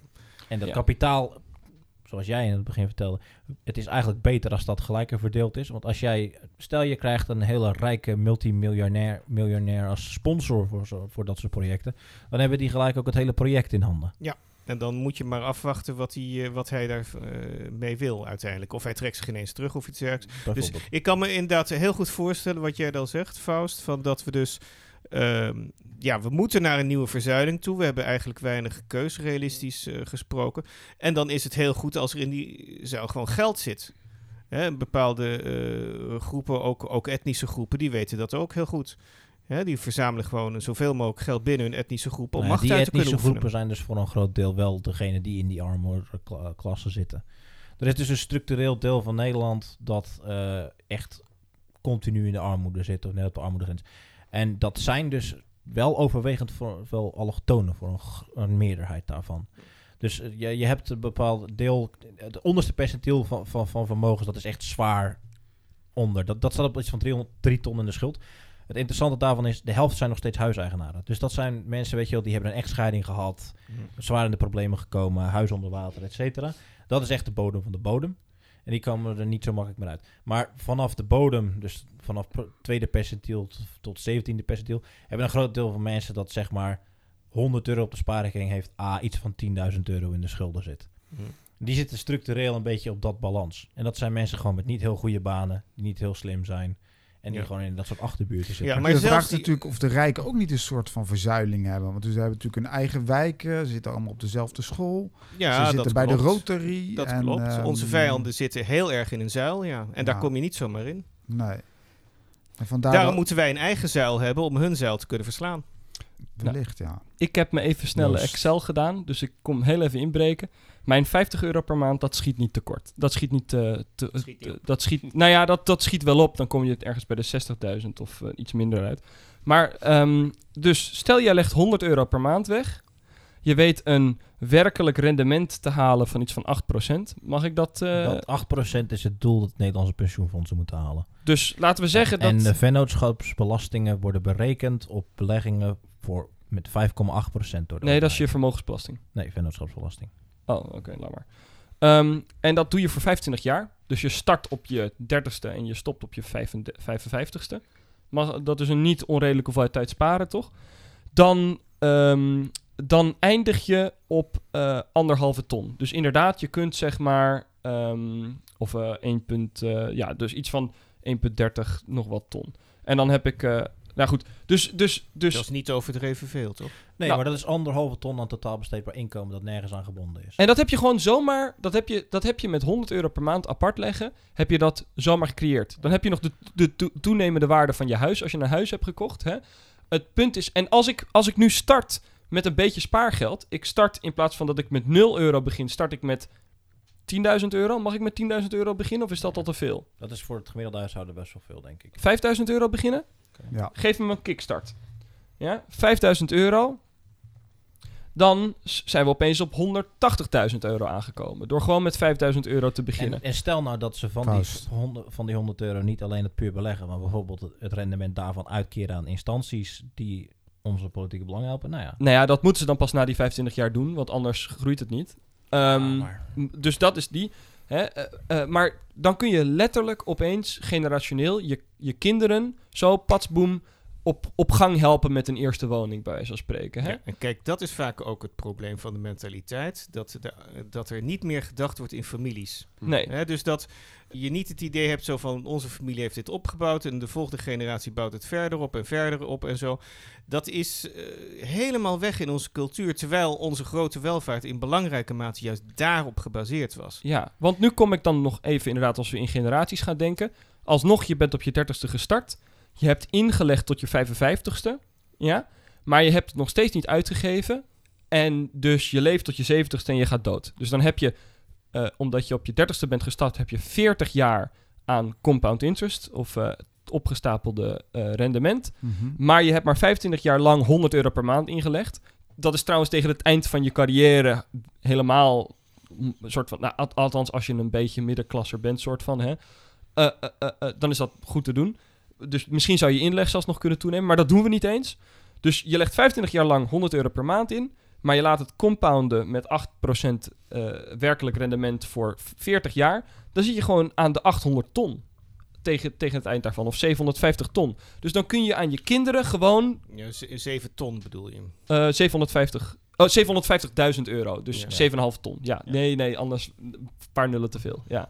Ja. Eh, eh, eh, eh, hè, mijn, mijn, mijn, punt is, mijn punt is, dit zijn spaartempo's die een, een redelijke middenklasser, denk ik, eh, moet kunnen behalen. Ik denk dat wij nog bijna allemaal uit de tijd zijn van het eh, gulden spaarboekje. En eh, dat je zo'n kastje Zilvervlootrekening. kreeg. eh, ja, dat soort dingen inderdaad. Ik, Het zat ja. natuurlijk wel altijd in de cultuur, nee? Nou, ik zou wel tegen willen werpen, toch om eh, ook wat andere inzichten mee te geven. In plaats van bezig te zijn met sparen, zou je ook een extra vak kunnen leren, zoals bijvoorbeeld fietsenmaker. Mhm. Zodat mocht de economie in elkaar denderen en je hebt helemaal niks meer, eh, dan kan je wel eh, nog wat bijverdienen door mensen een fiets te maken. Ik zou in ieder geval adviseren dat je het niet houdt bij alleen een kantoorbaan. Nee, nee. Nou ja, goed, genoeg, eh, genoeg daarover. Eh, in ieder geval, Nederland is vermogens- en, ehm, en eh, inkomensgewijs meer een Noorwegen, zoals ehm, we aan het begin van de podcast aanstipten. Eh, tot op het niveau dat de rijkste kwart van de bovenste 1% net aan één eh musk waard zijn. Hè? Dus, dus, dus dat zijn 20.000 huishoudens, allemaal bij elkaar, zijn net aan een musk. Hè? nou, dat valt op zich nog wel mee. Ja. Ehm, eh, dat is, Faust had een terechte opmerking. We weten niet of het Koningshuis, hoe die daarin zit. Ja, het de Koningshuis is eh, waarschijnlijk... Want we hebben geen officiële data van het Koningshuis. Dus dat ene huishouden... Zou nog... Dat, dat zou nog eens het allemaal wel omhoog kunnen trekken. Oké. Want koningin Wilhelmina was al de eerste vrouwelijke miljardair in de jaren 20. Oké, dankzij koninklijke olie. Ook. Inderdaad. Ons Indië. Ja. Grote investering in de Rotterdamse haven, de Flevopolder. Oké. Ja, goed. Dus eh, dat is ehm, dat, dat daar gelaten. Maar Nederland is redelijk vlak in die zin. Maar de middenklassers hebben niet alleen te zeggen, naar mijn mening, niet alleen te zeggen... het is oneerlijk hoe de inkomens verdeeld zijn en de, en de dingen. Eh, het is ook gewoon een kwestie van eh, eh, dan er zelf werk van maken. Want je kunt, naar mijn mening, en daar is mening over verdeeld in, blijkbaar in de zaal... eh, eh, kun je daar meer verandering in brengen dan, dan de meeste mensen zichzelf in de slachtofferrol toe lijken wijzen. Dat geldt niet overigens voor die bodem, weet ik hoeveel procent. En als de huizenmarkt zo doorgaat enzovoorts, dan ook niet. Eh, dan was er één laatste puntje wat nog wel het noemen waard was. En dat is een inmiddels in de VS beroemde website What the Fuck Happened in 1971. Oh ja.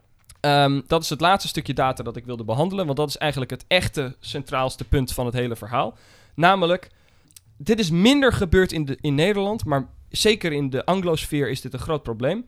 Namelijk dat als je real GDP per FTE, dus dat is de hoeveelheid economische productiviteit, Per capita. nou per gewerkt Uur. ja, een soort van per gewerkt uur.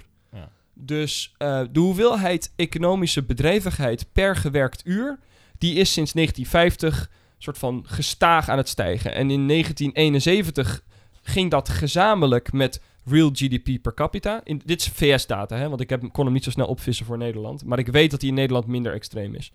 Ehm, dus real GDP per capita, dus totale bedrijvigheid per bewoner van je land. Real GDP per FTE, per ehm, gewerkte uur. En real average wage, dus het gemiddelde eh, loon. Het gemiddelde loon gecompenseerd voor inflatie. En het gemiddelde, of de, het, het, het mediaan, mediaanloon gecompenseerd voor inflatie. Die bewogen allemaal als één bundel. De, eh, de, eh, eh, tot en met 1971 in een lineaire lijn omhoog. Oftewel, de economie groeide lineair. Iedereen's beloning als percentage van de economie groeide lineair. De economie groeide lineair ten opzichte van de hoeveelheid gewerkte uren. I- alles was eerlijk, soort van. Ja? Dan komen we in 1971 aan. En heel real GDP per capita gaat lineair op exact dezelfde trend door. Maar real GDP per gewerkt uur, die buigt af omlaag. Die gaat nog steeds schuin omhoog, maar minder stijl. Real, het gemiddelde loon gaat ook nog steeds omhoog, maar nog minder stijl. En eh, het gemiddelde loon gecompenseerd voor inflatie gaat nog net aan omhoog.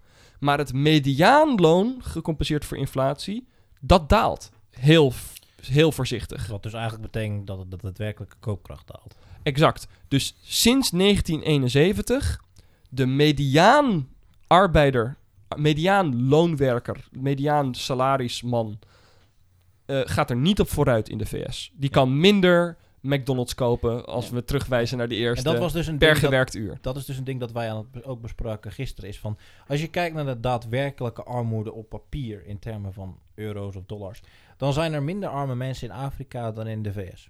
Want er zijn veel meer mensen in de VS met schulden. En in Afrika Ja. hebben ze amper schulden. Dus het is een beetje krom om dat te zeggen. Maar omdat onze... We hebben gewoon 15% van de bevolking die zit in de, die zit in de min. In de VS is dat geloof ik nog wel wat meer. Veel meer, ja. En die zijn in, in, in levenspraktijk leven ze niet van water en brood en bla bla. bla. Maar in, in gewoon op papier zijn ze armer Eh, eh, eh, dan, dan, dan een Keniaan bijvoorbeeld. in vermogen. Hè? Ja. In cashflow niet. Duidelijk. En dus, dus als salarispersoon, als, als mediaan Nederlander, in mindere zin dan in de VS, ben je, ga je er absoluut nu koopkrachtwijs op Ja. achteruit. Waar ik dus Zeker ook- met deze inflatie. En wat Ja. ik dus ook nog Vast. iets aan toe wil voegen is dat, en hier heb ik dus niet de data voor gevonden, dit, maar dit, dit vermoed ik dat het waar is, is dat- de hoeveelheid gewerkte uren gemiddeld ook gestegen is. Want ehm, het is zo, net zoals ik al eerder zei, dat de, die definities van wat arbeider zijn en zo zijn een beetje verdwenen. Heel veel mensen in, in geschoolde vakken, die werken natuurlijk naast hun baan nog, nog heel veel. Maken ook veel overuren. Kantoorpersoneel maakt veel overuren die niet officieel geregistreerd zijn met allemaal e-mails en communicatie en dergelijke omtrent hun werk dat eigenlijk wel werkuren zijn. CEO's en dergelijke aan de top draaien 100 uur per week, advocaten, topadvocaten draaien 100 uur per week, et cetera. Dat was natuurlijk, eh, pak een beetje 100 jaar geleden, waar nog steeds een significant deel van de bevolking gewoon klok in, klok uit in de fabriek, eh werk als boer. Die werkte relatief gezien minder uren. Dus het is niet alleen dat je minder compensatie krijgt daadwerkelijk voor je gewerkte eh, arbeid, maar je werkt ook nog eens veel meer uren ervoor. En dan de, het punt van what the fuck happened in 1971. Voor de mensen die dat niet kennen, is wel even het noemen waard. Dat, eh, toen is er een verandering geweest in de definitie van een dollar. Eh, eh, die was daarvoor nog gekoppeld aan een bepaalde hoeveelheid goud. Op een indirecte manier in 1971 nog wel. En die, zelfs die laatste indirecte koppeling is toen losgescheurd. En eh, ehm, het is... Misschien is dat niet de reden, maar het is wel heel erg toevallig hoe al die dingen van elkaar weg begonnen te bewegen. Het moment dat je dat laatste anker lostrok tussen ehm, iets limiterends en de munteenheid.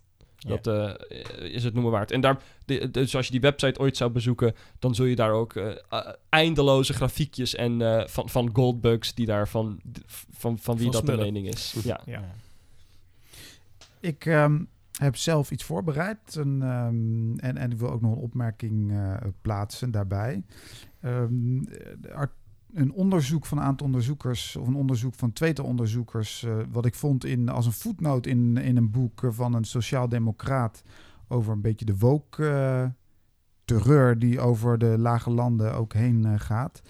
Ehm, dat is dat artikel of dat onderzoek heet eh, graden van invloed ehm, ongelijkheid, onderwijsongelijkheid in politieke, politiek beleid van een eh, meneer en een mevrouw van de Universiteit van Leiden en Amsterdam.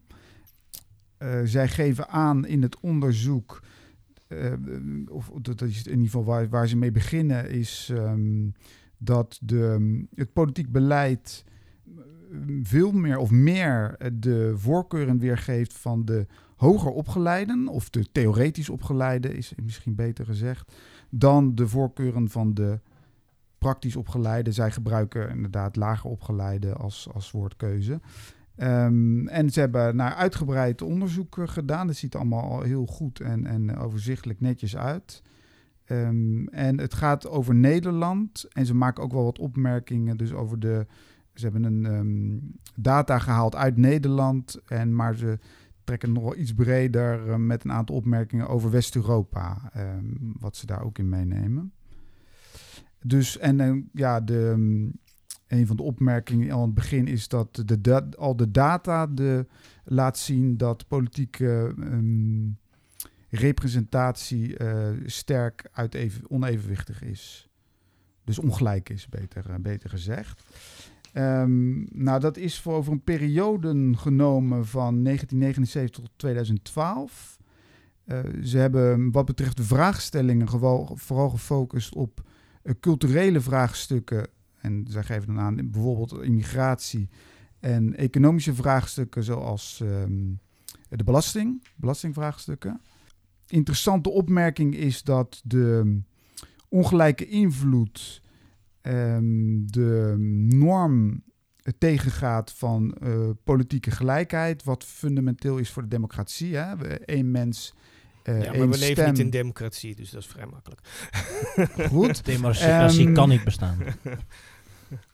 Om even verder te gaan, eh, nou, de, de, data's, de data, ehm, ik kom dus eh, 79, 2012. Eh, ze maken inderdaad heel ehm, duidelijk onderscheid tussen lage middel, middenklasse en de, ehm, en de hogere klasse. Eh, die hebben, eh, maar geeft inderdaad aan, lage en middelklasse eh, weinig, daar maken ze nog onderscheid tussen de, tussen de directe invloed en indirecte invloed. Maar die hebben, de lage en de middelklasse hebben geen onafhankelijk, dus geen directe invloed op politiek beleid. En eh, ze concluderen dat het politiek beleid in Nederland is eh, gedomineerd door, de, door een hoger opgeleide minderheid. Nou, dat, dat, dat, dat zei ik in eerste instantie al. Zo even de, conclusie, de hele conclusie eh, samenvatten. Nou, ze geven aan dat ehm, eh, de opleiding ehm, in West-Europa burgers steeds meer verdeelt, of in, ehm, eh, steeds meer verdeelt. Dat ehm, dat ook gevolgen heeft voor het sociale leven. Ehm, dat um, lagere, hoogopgeleide ook in eh, gescheiden wereldbeelden of werelden leven. Eh, verschillende ehm, wijken. En ook steeds meer ressentiment tegenover elkaar beginnen te ontwikkelen. Eh, dat heeft ook natuurlijk gevolgen voor de politieke situatie in, in, in het land. En, en daar, ehm, ehm, als reactie komen daar dan ook de eh, andere politieke partijen ehm, ehm, uit, uit, eh, zeg maar uit, uit het land komen verschillende politieke partijen naar voren, waaronder ook nieuwe, die worden ook aangehaald. Wat daarbij nog wel interessant is, en dat is denk ik ook wel herkenbaar, van dat die populistische of rechtspopulistische partijen, zo wordt het omschreven, die zijn vaak economisch centrum of rechts en op waarde eh, conservatief. En eh, zij geven aan ehm, van eh, de inzichten van de lagere en de middelklasse, die zijn juist ehm, eh, conservatief, maar op economisch terrein juist links. Dus die partijen, volgens de schrijvers, geven dan aan van die ehm, ze hebben maar op één terrein vertegenwoordigen zij die mensen. Ik snap het niet. Zeg het nog eens. De mm, mensen in de lage en middelklasse zouden conservatief zijn wat betreft eh, op waarden, zeg maar. En op economie links. Ja. En de, mm, Nou, ik, zou het eerder, ik zou het eerder zelf geïnteresseerd noemen, uit eigen belang. Want ze hebben natuurlijk meer voordeel bij dat soort subsidieregelingen en Het- dergelijke. Dus ja. ik weet niet of je het echt links kan noemen. Ze zijn geen overtuigde socialisten. Maar ik, ik Ja, hoor je punt. Ze zijn het zelf. Het is het, het- de poging is jezelf te redden. En daardoor stem je bij spreken PVV om. eh, en PVV, PVV zou dan dus de partij zijn die dat wel correct doet. wordt ook genoemd. Nee, nee zij, zij geven aan dat de, de PVV op zijn minst eh, ehm, economisch in het midden zou zitten. Nou, Dat lijkt me nee, niet. ze zijn redelijk sociaal-democratisch. ik weet niet wie dat onderzoek in elkaar heeft gestoken. Maar ik kan je vertellen dat de PVV niet in het economische midden zit. Absoluut niet. Nou, dat, dat niet helemaal mee eens. Want ze hebben natuurlijk een aantal. ehm, kijk, het PVV heeft natuurlijk niet echt een programma wat het, eh, zeg maar het hele leven eh, eh, een antwoord op biedt. Maar ze hebben, en zeker maar op economie hebben ze een paar punten die het doen voorkomen dat ze linkser zouden zijn. Maar het is natuurlijk wel een liberale partij. Dus die vrije markt.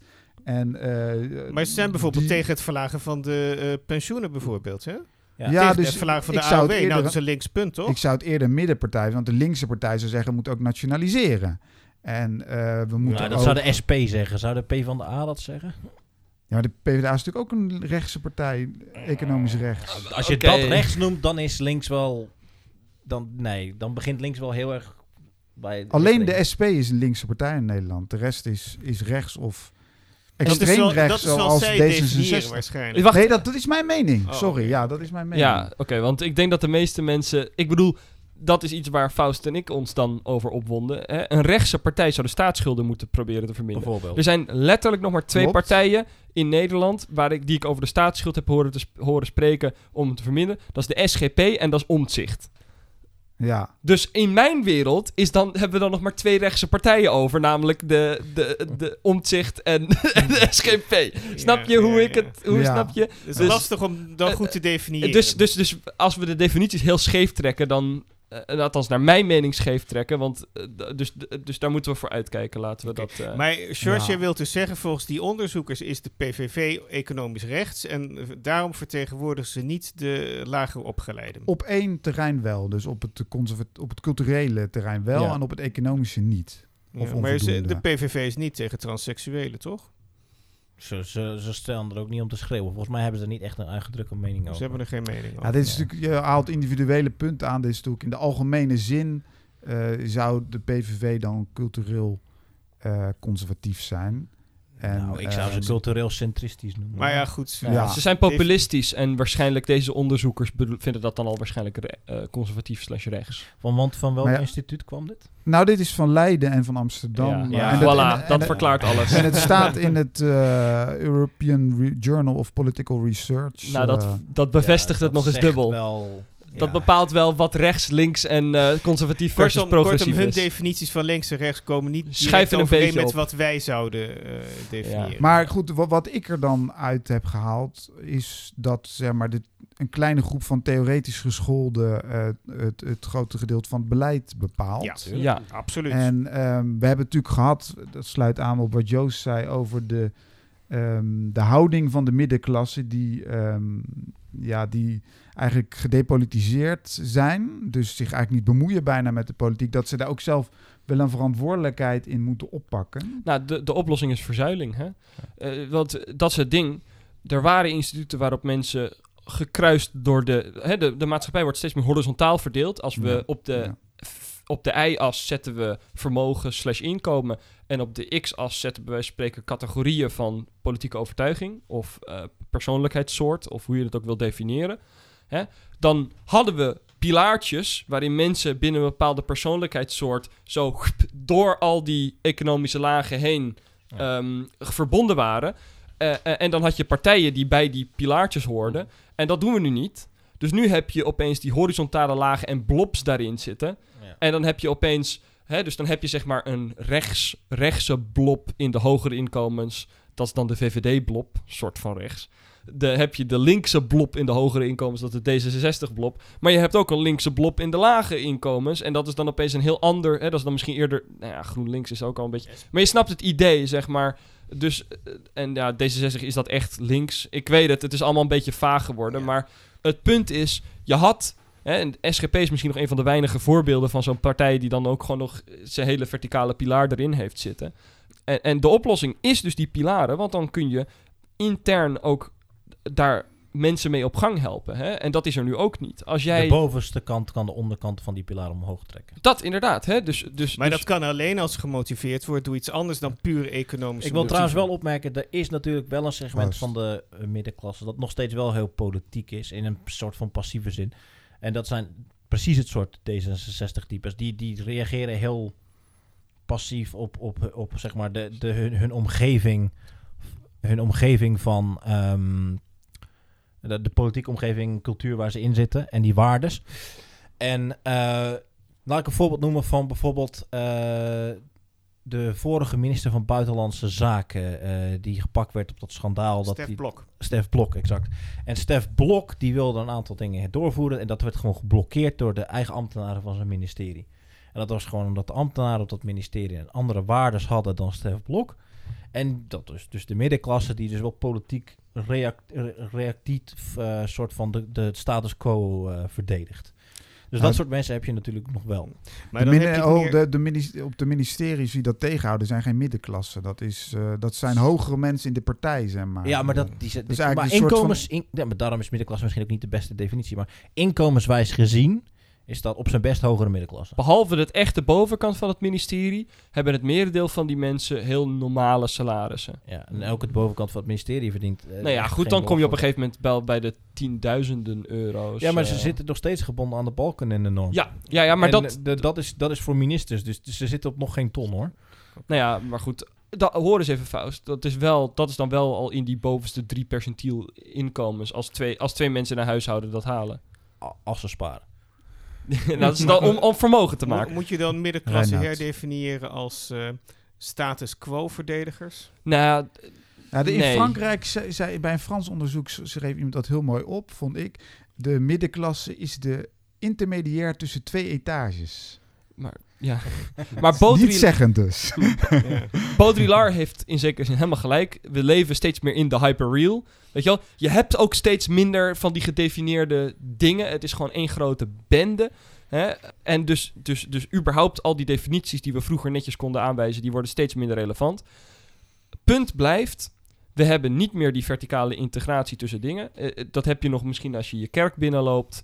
Dan heb je nog mensen van verschillende eh, economische niveaus. Maar het is letterlijk tot op het niveau aan het worden dat de ene eh, inkomensgroep doet die sport en die gaat naar die hockeyclub en de andere gaat naar zijn voetbalclub en dan hebben ze bijna niks met elkaar te maken. Het is ongelooflijk hoe je bijna niks meer kunt vinden waarop mensen nog een gemengd dingen hebben. En dan had je in het verleden misschien nog een beperkt aantal televisiekanalen waardoor mensen nog op die manier bij wijze van spreken in hun mediagebruik verbonden werden. Maar sinds Netflix en eh, on-demand, weet ik veel wat, begint dat ook uit elkaar te bewegen. Over, Ja. over 15 jaar, omdat mensen... Dat is dan het hyperreal van Baudrillard. Wat het hyperreal is van Baudrillard, toch? Baudrillard heeft meerdere dingen, maar een van zijn dingen is dus hyperreality. En een van de dingen Ja. is heel erg hoe we vastzitten in stereotypes uit de 20e eeuw. Dat we niks nieuws ontwikkelen.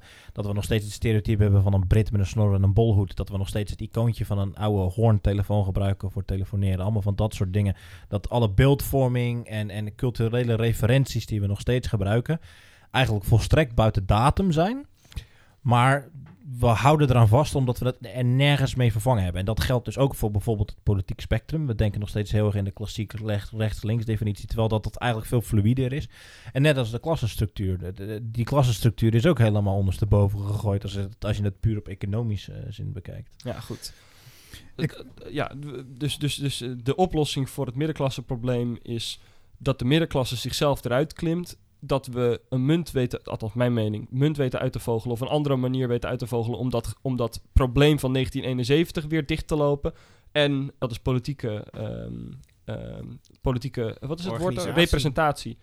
Ja, ik had nog wel één vraag over het onderzoek, want je had het over directe eh, politieke invloed. Hebben we het dan over de mensen die bij de Rode Hoed in de zaal gaan zitten of zoiets? Eh, dat heet de Rode Hoed. toch? Goeie vraag. Goeie vraag. Er is staan, eh, er worden, ehm, dat is wel leuk, drie vormen van politieke participatie genoemd.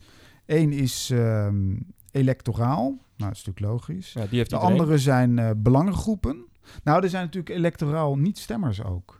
En in het onderzoek komt dan naar voren dat eh, niet-stemmers eigenlijk minder invloed hebben dan eh welstemmers. Ja, dat lijkt Ja, dat is op zich logisch, zou je zeggen logisch, maar goed, je zou natuurlijk ook kunnen, er zou ook voorbeelden kunnen zijn waarbij dat, ander, dat anders is, maar dat is natuurlijk op zich logisch.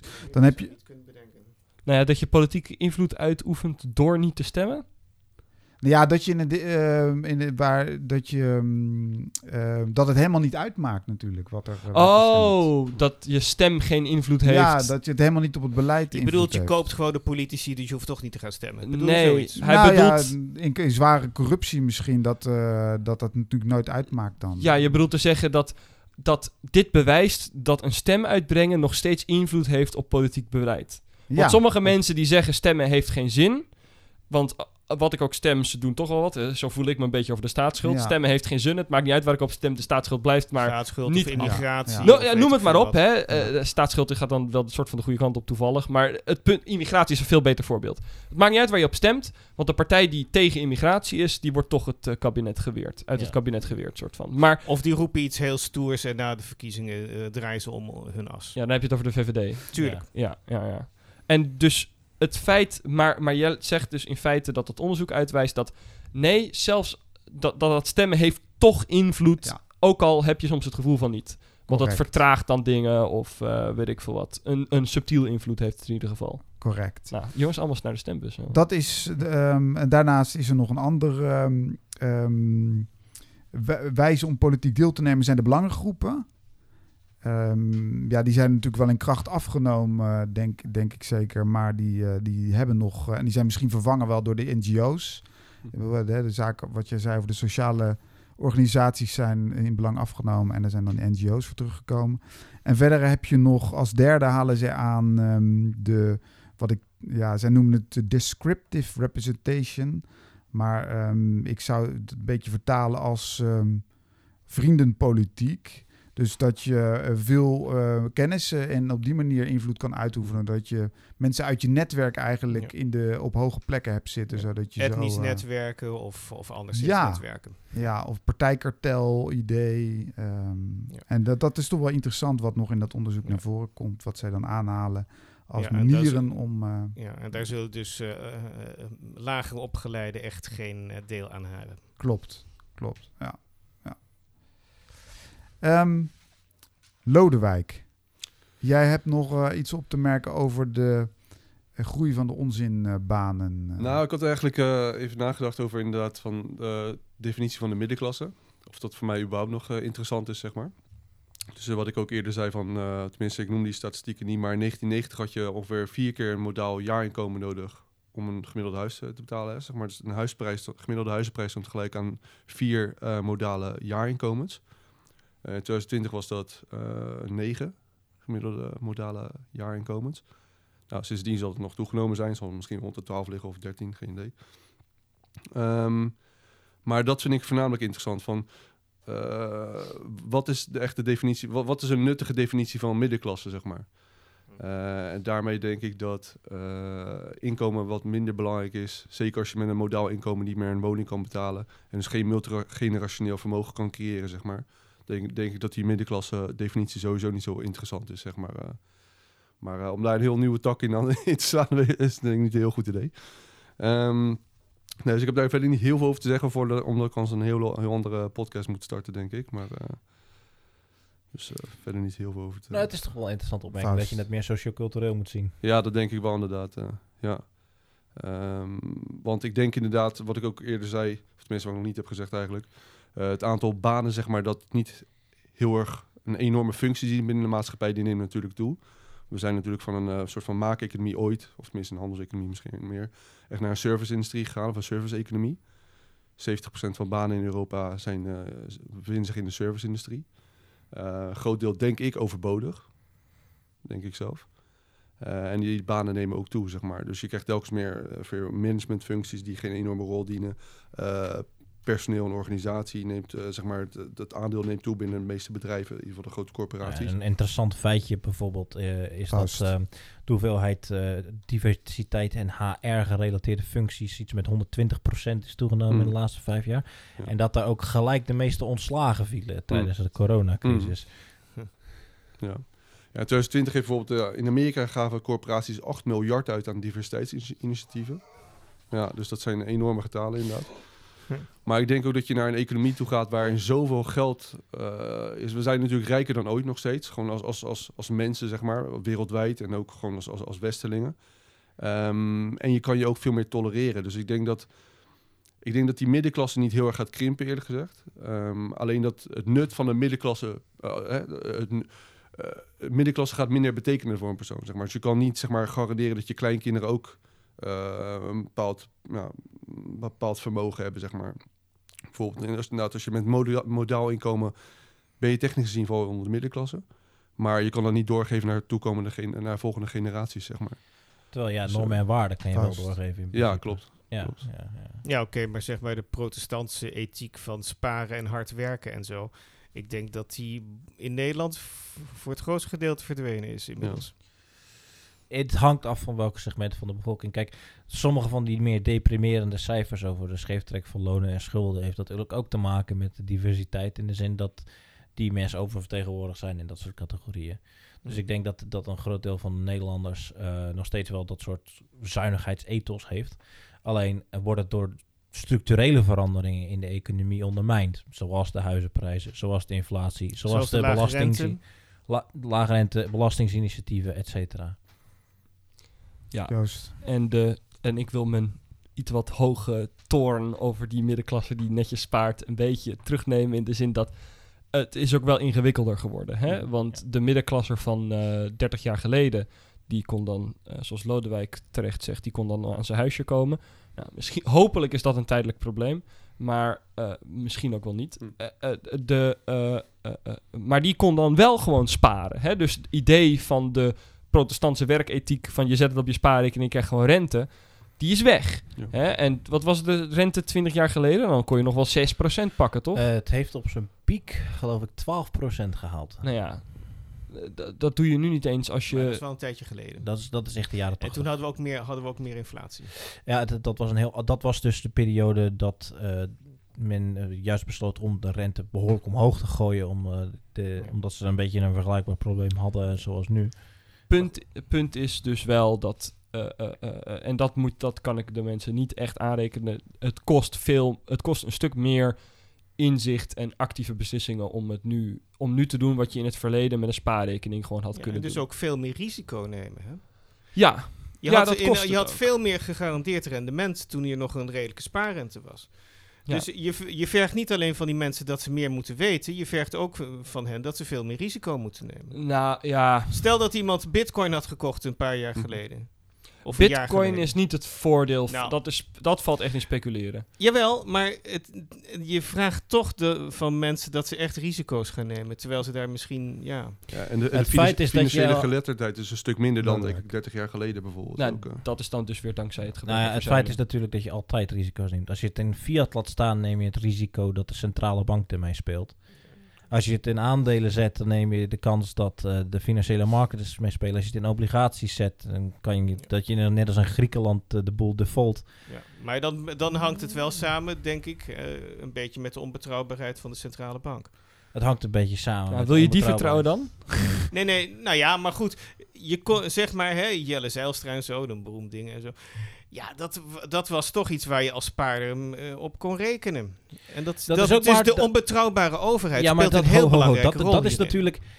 Dat, dat is confirmation bias vanuit de veiligste periode van alles in de geschiedenis die ooit bestaan heeft, namelijk de post-Tweede Wereldoorlog westerse samenleving. Het was niet zo dat men in Weimar Duitsland ervoor uit kon gaan dat men geld, dat hetzelfde spaarrekening zou zijn. Het was niet dat als jij een Franse speculant was op de Bolsa in 1870, dat je niet het ris- risico liep dat je suikerplantage Nee. niet afbrandde ho, en dat je failliet maar, ging. Maar, maar, maar we hadden dat en dat is het- dus onderuit gehaald. En dat is, eh, het is, be- het is niet Het is- zomaar, nee, ho, het, is ho, niet, het is niet zomaar op ons Het neergedaald is niet onderuit gehaald.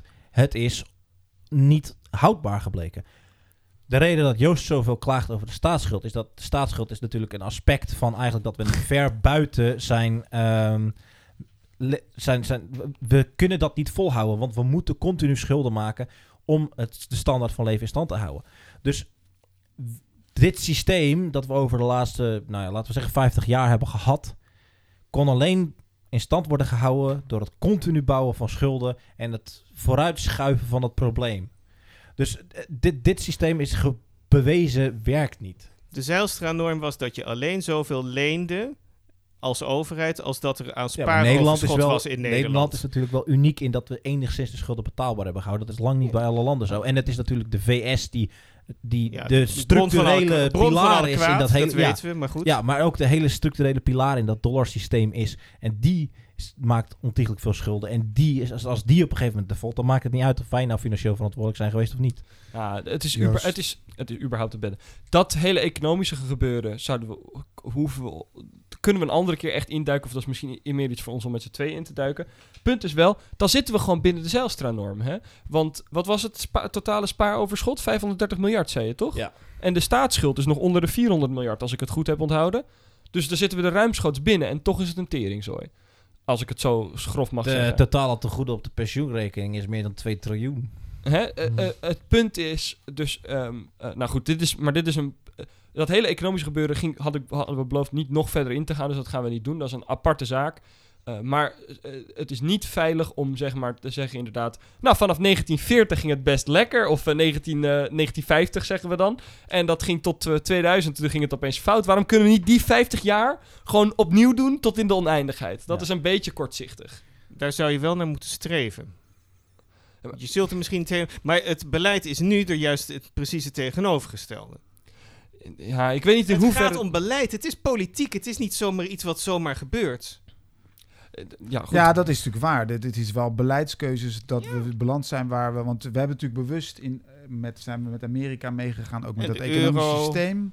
Eh, maar had dat anders gekund? Natuurlijk had dat anders. Nou, dat is natuurlijk, dat is een, natuurlijk een andere vraag. Maar dit is duidelijk dat maar in we- ieder geval helpt het niet door nog verder het gaspedaal in te drukken. Het Hmm. had dingen anders gekund. Er, had, er zijn altijd dingen aan te wijzen die anders hadden gekund. Hè? Neem What the Fuck Happened in 1971 als voorbeeld. Er zijn ongetwijfeld dingen die anders hadden gekund.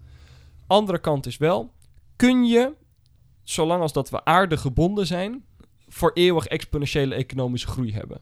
Dat is een, goede, dat is een open vraag wat mij betreft. Dus eh, dit is, eh, op een gegeven moment kom je bij de idioterie zoals eh, een bubbel kan maar reizen met, eh, Ja. opper, met Dus volume. de, de standaard, Reinoud, het is- is natuurlijk voor meer dan duizenden jaren meer een soort feodaal eh, suste- sustenance farming geweest. En dan die 50 jaar pakken van, van dat we toevallig een heel hoog technologische samenleving hebben gehad, is wel een beetje een blip op een enorme datatrend te pakken en te zeggen, ja, maar dit is hoe het moet zijn. Je zeurt wel een beetje, man. Ik bedoel, anders was je gewoon aardappelen aan het eten van het land. Wat nou? Gezeur Nou. over afval van de middenklasse. We hebben hem nog maar 50 jaar, kan hij ook alweer weg, joh? Ja, Ja. en toch denk maar goed, eh, ik denk toch dat de mentaliteit van die subsistence farmer, dat die zich doorgezet heeft in die 50 jaar dat wij zoveel eh, groei hebben beleefd. En het is die mentaliteit die we terug moeten krijgen. De mentaliteit ook van verzuiling. Even een ik andere, bedoel, Ja. ja. even Je mag anders dan pers- Balkenende. We hebben de subsistence farming mentaliteit weer nodig, jongens. Ik heb wel geleerd van de Russische filosoof Dugin dat je niet zo negatief moet spreken over ehm, mensen of beroepen of tijd, tijdperken uit het verleden, want dat is tijdsracisme. En dat eh, willen we, denk ik, eh, eh, wel voorkomen hier. Ehm, als niemand meer wat heeft, gaan we afsluiten. Ik wil alle gasten hartelijk bedanken. Faust Lanser, Lodewijk, Reinoud en Joost, Top de Duinen. Ehm, we hebben gesproken nou, over een aantal zaken, waaronder natuurlijk definitie van de middenklasse, verschil tussen eh, rijk en arm en eh, beschikbare inkomens en nog veel meer. Ehm, dank u allen voor het luisteren. U kunt ons vinden op de website europodcast.com, waar nog veel meer Nederlandse en Engelse podcasts te vinden zijn, plus onze achtergrondartikelen. Graag tot de volgende keer.